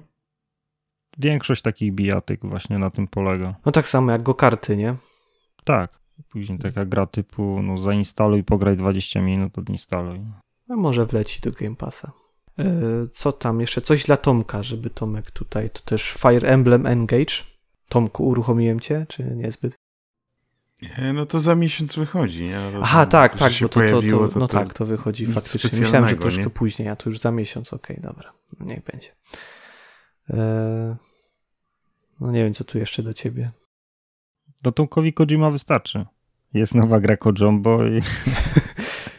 I teraz nie, to ktoś inny był fanem Kojombo raczej. Tomek chyba aż Pozostaje wielkim... tylko czekać 4 lata i jak to było, byle dożyć. Nie? No, byle dożyć. Dobra. Byle on dożył, bo teraz ostro imprezuje e, po covidzie. W kółko Tak? zamieszcza O. zdjęcia z celebrytami, których tam, tak, bo chyba do Stanów pojechał, tak, na te The Game Awards i tam, o, Guillermo del Toro, a tutaj ten aktor, To zamiast gry tworzyć, to sobie pije. I, jak za dużo, No, że szuka weny. no, Jest całkiem możliwe, że to inni za niego już tworzą, a on tylko się podpisuje. Tak, on na koniec rzuca kartki wszystkie do góry, wymiesza, żeby fabuła nie miała sensu, dobra. Ważne za co pije, bo on za grę, za kasę Sony tworzy gry, a za kasę Microsoftu chleje, nie? Bo jeszcze nic nie Mhm. pokazał. Na razie wiemy, że współpracuje z Microsoftem. Pojechał do Stanów i teraz po prostu tylko, wiesz, drinkuje. Tak, powiesz, że to ta, taka gra społeczna, nie, że obserwuj Kojima. Ty, a nikt nie czeka na Phantom Liberty? Co? Co to? A, to. E, cyberpunk. A, tak. to? Nie, nie. Niezbyt czekam. No. Widzę, że jakiś popularny aktor znowu doszedł, ale no, E, To nie jest tam Idris Tak, Elba? tak. Elba, no. tak. A niezbyt mnie, nie, mnie nie jarają takie dodatki jakieś aktorskie, że jakiś aktor gra, bo jeżeli ktoś jest w stanie stworzyć fajną postać, to podobnie jak w podstawce, no jak nie byłoby tam Keanu Reevesa, no to ta gra to by była równie dobra, jeżeli stworzyliby jakąś e, taką oryginalną, unikalną postać. Więc jakoś nigdy aktor nie przyciągał mnie do, do gry. Zobaczymy. Pan Idris Elba na Twitterze napisał The deepest game narrative ever. And Może nie grał w inne gry. No, bardzo możliwe, że to będzie na przykład jego pierwsza gra, tak? Tomku, co byś polecił panu Idrisowi Elbie? No Sonika, tak? kontekście Bo narracji. przecież e, grał w tym, w Soniku 2 grał tego, Knucklesa. e, Knucklesa, tak, więc mu- musi zagrać Sonika w końcu, nie? Zwłaszcza, że ma dostać spin-off swój własny, chyba teraz w przyszłym roku właśnie. Więc, e, a ogólnie w co mógłby zagrać? No mógłby zagrać e, w dziwną japońską grę sprzed 30 albo 20 lat, o której nikt nie słyszał, nie? I wtedy No właśnie czekam na tytuł. Żeby... będzie ją wymieniał wszystkim i będą mówić, o, to jest prawdziwy gracz, nie? Grał w jakiś tam dziwacz. A ogólnie, e, tak to na serio, co bym po, po, polecił, kasowanie, bo ostatnio wróciłem do starych odsłon, więc e, mógłby sobie pograć. Proste, jak jest dobry, to w godzinkę skończy, więc... No e, zapowiedzieli teraz nawet Castlevania, tylko że w Dead Cellsach. A, no tak, To tak. też na Game Awardsach, właściwie przed, na tym pre-show. Czekajcie, idę sobie wody nalać, ale kontynuujcie, kontynuujcie. Dobrze, Tomku, to ja sprawdzę twoją japońskość teraz. E, No to ja mam Jest. 0% japońskości, tak? Nie, no czemu? Zapytam cię tutaj o taką grę. Aż ciekawe, czy wiesz, co to jest. Bo ja pamiętam kiedyś, jak grałem, to jedyny mój kontakt z PlayStation 2, czy jeden z, może z trzech, no, niech będzie. Na wakacjach w Niemczech to mi się spodobała gra Kessen. No to jasne, Koei Tecmo, tak? To jest... Jezu, dobra. Ach, dobra. To nie, to dobra, to Kessen. A co świetne było, nie? Mhm. Jeszcze pamiętam, jak mówił mi wujek, że a Tom se zostaw, bo to jest takie trudne. Ja tam miałem, nie wiem, z 10 lat chyba i kurwa, przeszedłem całe. Zajebiste to było. Jak dobrze pamiętam, Kessen 3 jest bardzo ciekawe, bo to jest spojrzenie na życie e, Nobunagi Ody. I normalnie w, w japońskiej literaturze, filmach i nawet w innych grach Nobunaga Odo od- często jest pokazany jako taka zła postać, który musiał Mhm. zostać zabity, żeby e, Japonia została zjednoczona, nawet go tam demonem nazywali. A właśnie teraz to mógł być Kessen 2, ale wydaje mi się, że to był Kessen 3. Jest właśnie fabuła i jego życie przedstawione z jego perspektywy. E, Właśnie dodali dużo takiej, takiej fabuły i narracji, takiej e, bardzo, bardzo ciekawy tytuł, dlatego też polecam, jak ktoś, ktoś miałby okazję e, Tylko, że musieliby odko- odkurzyć PS2. Bo Tak, nigdzie tak. nie Wydaje mi się, że dalej. Niestety, Może na Nie, czwórce nie wyszło. jest... Wydaje mi się, że może na trójce było któryś Kessen mógł być w tych takich, tej ich takiej wstecznej Wydaje mi się, wersji. że nie. e, a. Bo tak to na czwórce nie ma, Mhm. bo na czwórce wykupiłem wszystkie gry z Playka z Mhm. dwójki wstecznej i teraz czekam, bo Sony ma przecież tą wspaniałą usługę tego Play, PlayStation Plusa, gdzie mają dawać stare gry, no i czekam, kiedy w końcu rzucą coś z Playka 2, bo jest właśnie mnóstwo takich tytułów niszowych, perełek, które które fajnie by było jakby wróciły w jakiejkolwiek formie, nie? Nawet tak jak już wracają, z iPhone Filter wraca, to dajcie na przykład takiego Kessena, no, bo to jest super fajna strategia na konsolę i, i, i naprawdę Słuchaj, warto jakby się Kessen zapoznać. wyszedł, ja bym nawet się pofatygował do Łodzi. Przyjechałbym do ciebie, żeby pograć. A to trzeba powiedzieć, bo on mnie gdzieś leży, tylko Playka Też 2 mam muszę znaleźć. chyba pierwsza i trzecia część. Też mam. Dobrze. Tylko ty nie masz. A to. Ja pamiętam kiedyś zrobiłem taki quiz o strzelankach na Gamerwebie. Jeszcze opierdol dostałem, że za trudny zrobiłem. No, Tam były same ruskie gry. Od kogo? Tam nie było samych No, kilka gier. polskich. No, to, by- no i to był taki hardkorowy. Znaczy może nie tyle hardcore, tylko nikt tak w to nie no, grał. no nie? właśnie, na To zasadzie tak, wiesz, nie są jakieś... Tam Terrorist Takedown 15 czy rozpo- i no, potem... Czy, czy rozpoznasz te 10 gównianych FPS-ów? Tak powinien wiesz, brzmieć tytuł. Albo ty gier na pewno nie znasz. Y, Albo y, będziesz miał 3 na 10, jesteś mistrzem. Tak jak na Onecie, takie chwytliwe tytuły są zawsze. No, musimy wrócić do quizów. Mhm. Nie no, O, komu by żartuję, się chciało. nie. No. Damianowi to rzucimy. Damian ostatnio przez miesiąc pisał tekst, a przez drugi miesiąc oddawał screeny, teraz trzeci miesiąc wysyła mi wideo. Także nie jestem najgorszy, Kamil. No, no. Pamiętaj. Nie przesadzaj, to nie było 3 miesiące. Z dwa może. Mam tu na biurku choinkę córki i przy jej połowę No. cukierków obżarłem. Nie, do, nie, do, nie dobrze. To powiesz, że ten Mikołaj przyszedł wcześniej, Grubas tak? Bo to Mikołaj wszystko te. Mikołaj to jest e, taka postać, która mnie strasznie wkurwia, wiesz, bo ja już bym chciał powiedzieć swojej córce, że mi święty Mikołaj nie istnieje. Mam nadzieję, że żadne dzieci nie słuchają naszego podcastu.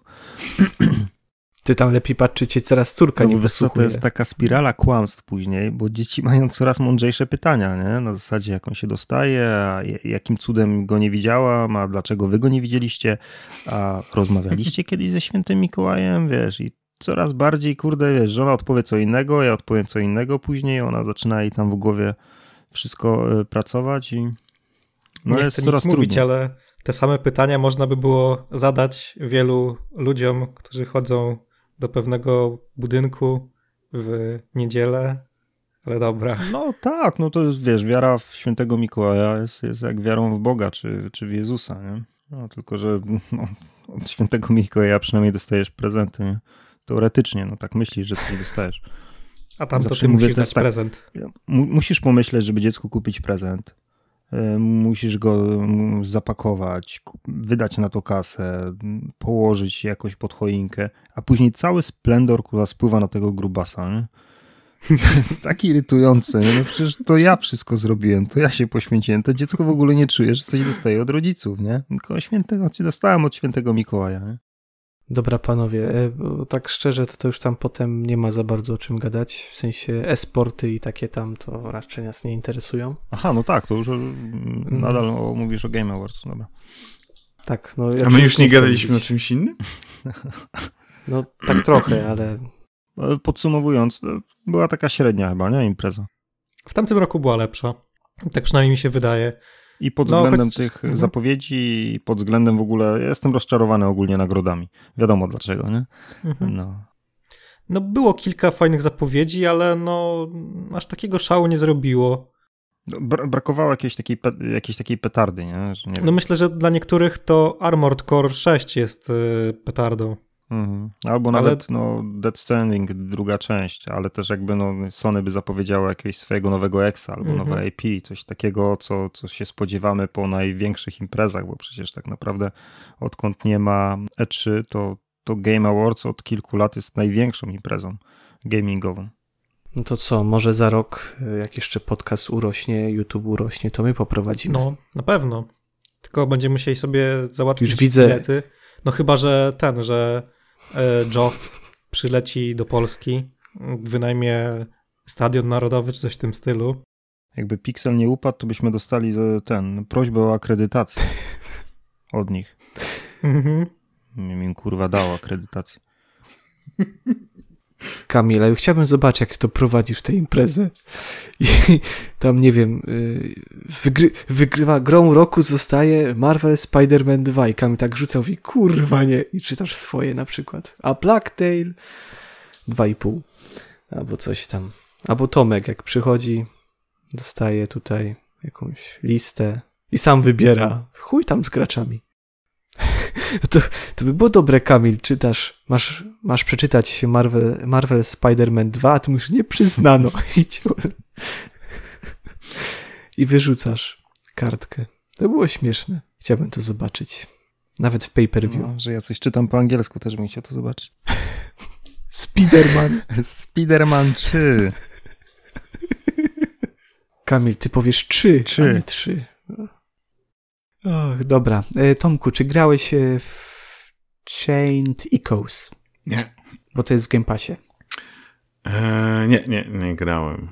Podobno jest niezłe, e, ale kiedyś się zabiorę, nie? Jak jest w Game Passie, to nie ma takiego oparcia, żeby to sprawdzić.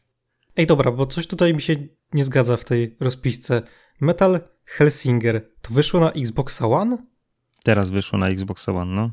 Jest w Czyli na premierę to nie wyszło na Xbox One, ale teraz wyszło? Tak, najpierw wydali to na mm, obecną generację, a teraz wydali to na starą generację i od razu też wpadło do Game Passa. Strasznie słabo z ich strony. Widocznie na początku mieli jakieś problemy może z optymalizacją i No może. nie chcieli po prostu jakby przesuwać No. premiery obu wersji, więc, Całości. Ale oni w nawet- gruncie, więc w Mhm. gruncie rzeczy moim zdaniem i tak fajnie, że jakby nie ulali starej generacji, tylko tak, pracowali fajnie, nad nią tylko miesiąc że- i wypuścili, nie? Zupełnie tego nie zapowiadali, nie? Mhm. I ktoś, kto czekał na tę grę, ale zobaczył, że wychodzi tylko na next genach, no to prawdopodobnie już o niej zapomniał. Chyba, że ma mm, Game Passa i może teraz spróbować, a jeżeli ma poprzednią generację. Mhm. Więc pod tym względem też zawsze. Okej, no plus. to co tam jeszcze jest w rozpisce? Hello Neighbor 2, panowie, jak coś, to kluczyk na Steama mamy, jak chcecie, znaczy panowie, mówię do was, panowie redaktorzy. No, Dobra. Y, High on Life, Premiera jutro. to chyba odpalam jutro. Tak, ja też odpalam, bo nie uda, dostaliśmy oczywiście. klucza przed premierą. Widziałem już, już są pierwsze recenzje. Nie wiem, czy są jakieś polskie recenzje. Możemy szybko na żywo sprawdzić. Bo jestem No, ciekawy, jak to właśnie żywo, z tymi sprawdzam. e, kluczami było, bo tam wiem, że jak to się nazywa studio? Squanch. Games chyba, nie? Które tworzy High on Life. E, No, był problem Tak. z, dostarczeniem kopii recenzenckich, więc e, możliwe, że w Polsce problem jest większy niż tylko taki, że Gamer Web nie dostał, czyli ten największy problem. No. Mhm. Czyli wniosek jest taki, że twórcy Rika i Mortiego dyskryminują Polaków. No, Oni tam, e, z tego co się orientuję, to strasznie paczowali ten tytuł do ostatniej chwili i chyba nie chcieli dostarczyć kopii recenzenckiej gry, która No, ale komuś mm, jednak mogłaby mieć dali, problemy. No prawdopodobnie tym największym musieli dać, nie? No bo jednak taka sytuacja, że nikt przed recenzją, przed, y, nie dostaje przed premierą by była dziwna, więc zagraniczne media dostały. No, czyli nie lubię Polaków. Tak. Albo po prostu ch- chcieli dla nas przygotować jak najlepszy produkt. A, no nie tak. chcieli, żebyś, nie chcieli, Tak. żebyśmy się męczyli z jakąś niedopracowaną grą. Ale no nie wiem, czy, czy, czy jeszcze jakieś. No na pewno ktoś w Polsce dostał wcześniej e, ten tytuł. No, tak czy owak, no recenzje już są, są dosyć mieszane od dziewiątek po trójki. No jestem ciekawy, bo no, tytuł, na który czekałem, ale też zdawałem sobie sprawę z tego, że no, wcale nie musi być to gra roku. No, tym bardziej, że widzieli, widzieliśmy troszeczkę no, materiałów związanych z walką i już na samych gameplayach też mieliśmy zastrzeżenia wcześniej.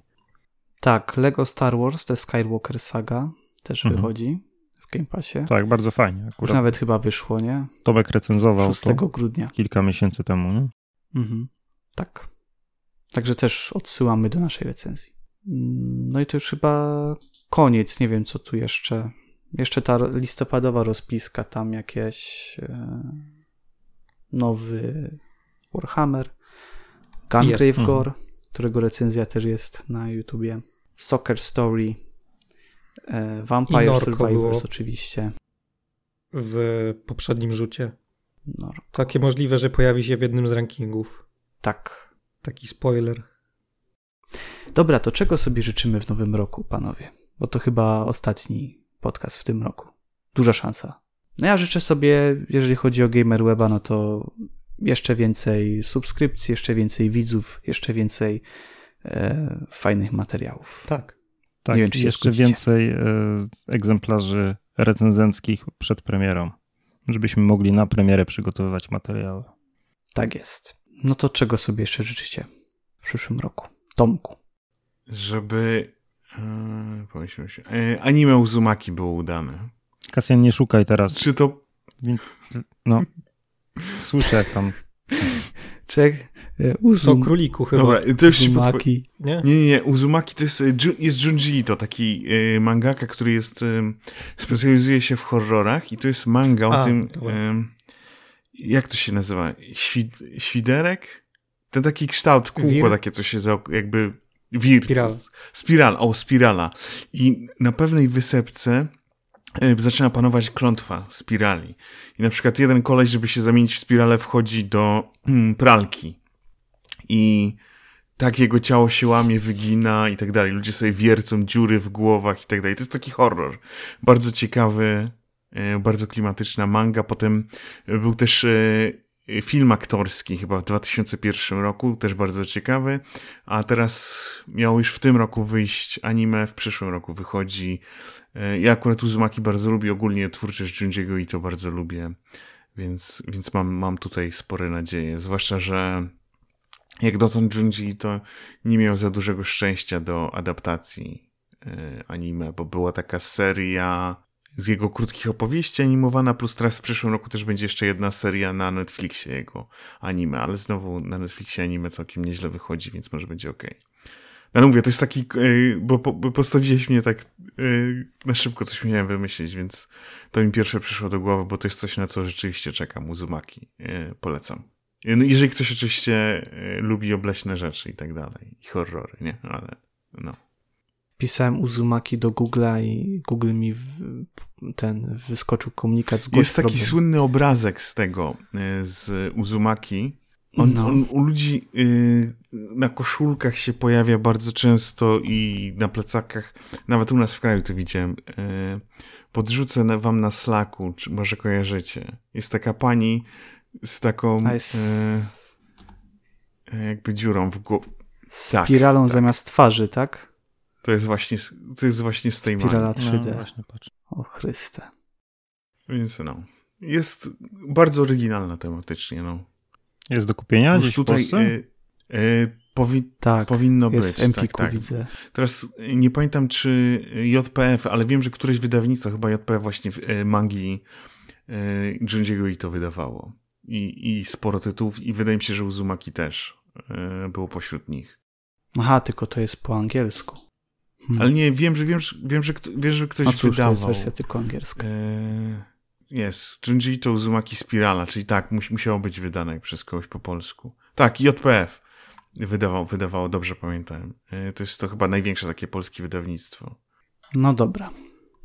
No to Robert, Eee, czego ty oczekujesz? żeby nas nie wzięli do wojska. Dokładnie. Bat- No byśmy batalion mieli- Legion samobójców. Miesiąc przerwy od YouTube'a, więc no trochę słabo by było.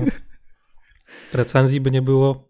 Chyba, żebyśmy pisali z poligonu. Ale z flagą. Myśmy kręcili vloga z poligonu. Podcast by był też z tego, Tak. z koszarów. Ja z więzienia bym mógł nagrywać wtedy, bo Podcast na żywo. za dezercję szybko by mnie tam skazali. Ja w życiu bym nie pojechał. Pytole. Tak. Wolę sobie w ciepłej celi siedzieć. W więzieniu teraz mają takie warunki, lepsze niż w wojsku. No, Ciekawe, za ile by mnie, na ile by mnie wsadzili, nie? Jakbym odmówił. Max No. 3 lata chyba jest. A do, liczy się wtedy? Te trzy lata liczą się do stażu pracy?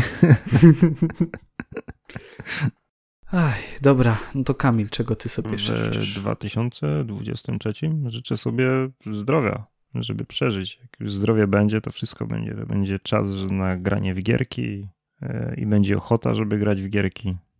To jest najważniejsze.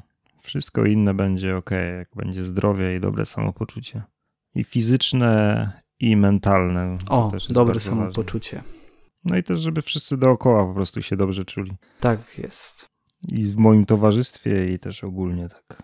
No, to ja życzę e, sobie i wam, i wam, drodzy słuchacze, też e, jak najlepszego roku 2023. Oczywiście jeszcze wypocznijcie przez te święta, nadróbcie, e, nadrabiajcie zaległości growe. Nie Oczywiście obżerajcie się za filmy też bardzo. na YouTubie dawajcie te subskrypcje, Nie warto. łapki. No w tym roku to chyba nikomu nie grozi, nie? Z taką inflacją. Przy, przy tej inflacji.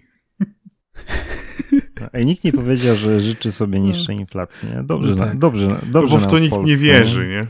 No jak to nie? W to nikt nie wierzy. Glapiński teraz jakąś nagrodę dostał. No tak, za tego. Z najwyższą inflację. Pierwsze miejsce w Europie. Nie no, przecież już zapowiedział, że będzie spadać. No, Gwarantuję. A czy nie, Tomek, on mówi, że może będzie 3, może 6, może Nie. 12, może 9. No I ja jestem wyposażony w taką wiedzę i żyje mi się lepiej. Dobra, mm, to kończymy, co? Chyba wszystko, co chcieliśmy powiedzieć, powiedzieliśmy. Jeszcze w grudniu ukażą się rankingi, najlepsze przygodówki, strategie, RPG i shootery. Pogadamy też sobie, no, będzie materiał o najlepszych polskich grach tego roku i o najlepszych polskich grach w przyszłym roku. Myślę, że tutaj chyba największym takim faworytem jest pewnie Niezwyciężony, chyba, że macie coś innego jeszcze. DLC do Cyberpunka. O. wszyscy się tak śmieją z tego cyberpunka. No może być. Hmm. Teraz y, gra chyba przeżywa drugą młodość. I teraz jeszcze przecież y, wpada No. no zobaczymy. Next Gen Patch do Wiedźmina 3. Dobrze pamiętam? 14 grudnia? Za dwa dni? No, tak. No i też jest y, okazja, żeby powrócić do świata Wiedźmina. Widziałem e, na screenach porównania graficzne i rzeczywiście wygląda to całkiem imponująco. Ciekawe, jak to będzie później wyglądało w ruchu. Czy będzie trzymało klatki. Tak, a tak ten, jak plaktek. Tam było stabilne 30 klatek. Dobra, Mhm. okej. Dobra, to kończymy już. Ehm, No to co? No to wesołych świąt i spokojnego wypoczynku i szczęśliwego nowego roku. A to był 16 odcinek Gamerweb Podcast. Ja nazywam się Kasjan Nowak, a moimi gośćmi byli Kamil Kościelniak, Cześć. Robert Chełstowski Cześć. i Tomasz Piotrowski. Cześć, cześć. Ja nazywałem się Kasjan Nowak. Ale to już przecież powiedziałem wcześniej. Ja nazywałem się Kasjan Nowak. No, naz- no, no, prze- no teraz A się jak teraz można... się No nazywa? bo już się nie nazywa. No. Dobra, 3, 2, 1, stop i tyle. Boże, będzie się... Goat Simulator 3 czy 3, panie Kamil? No. Stop.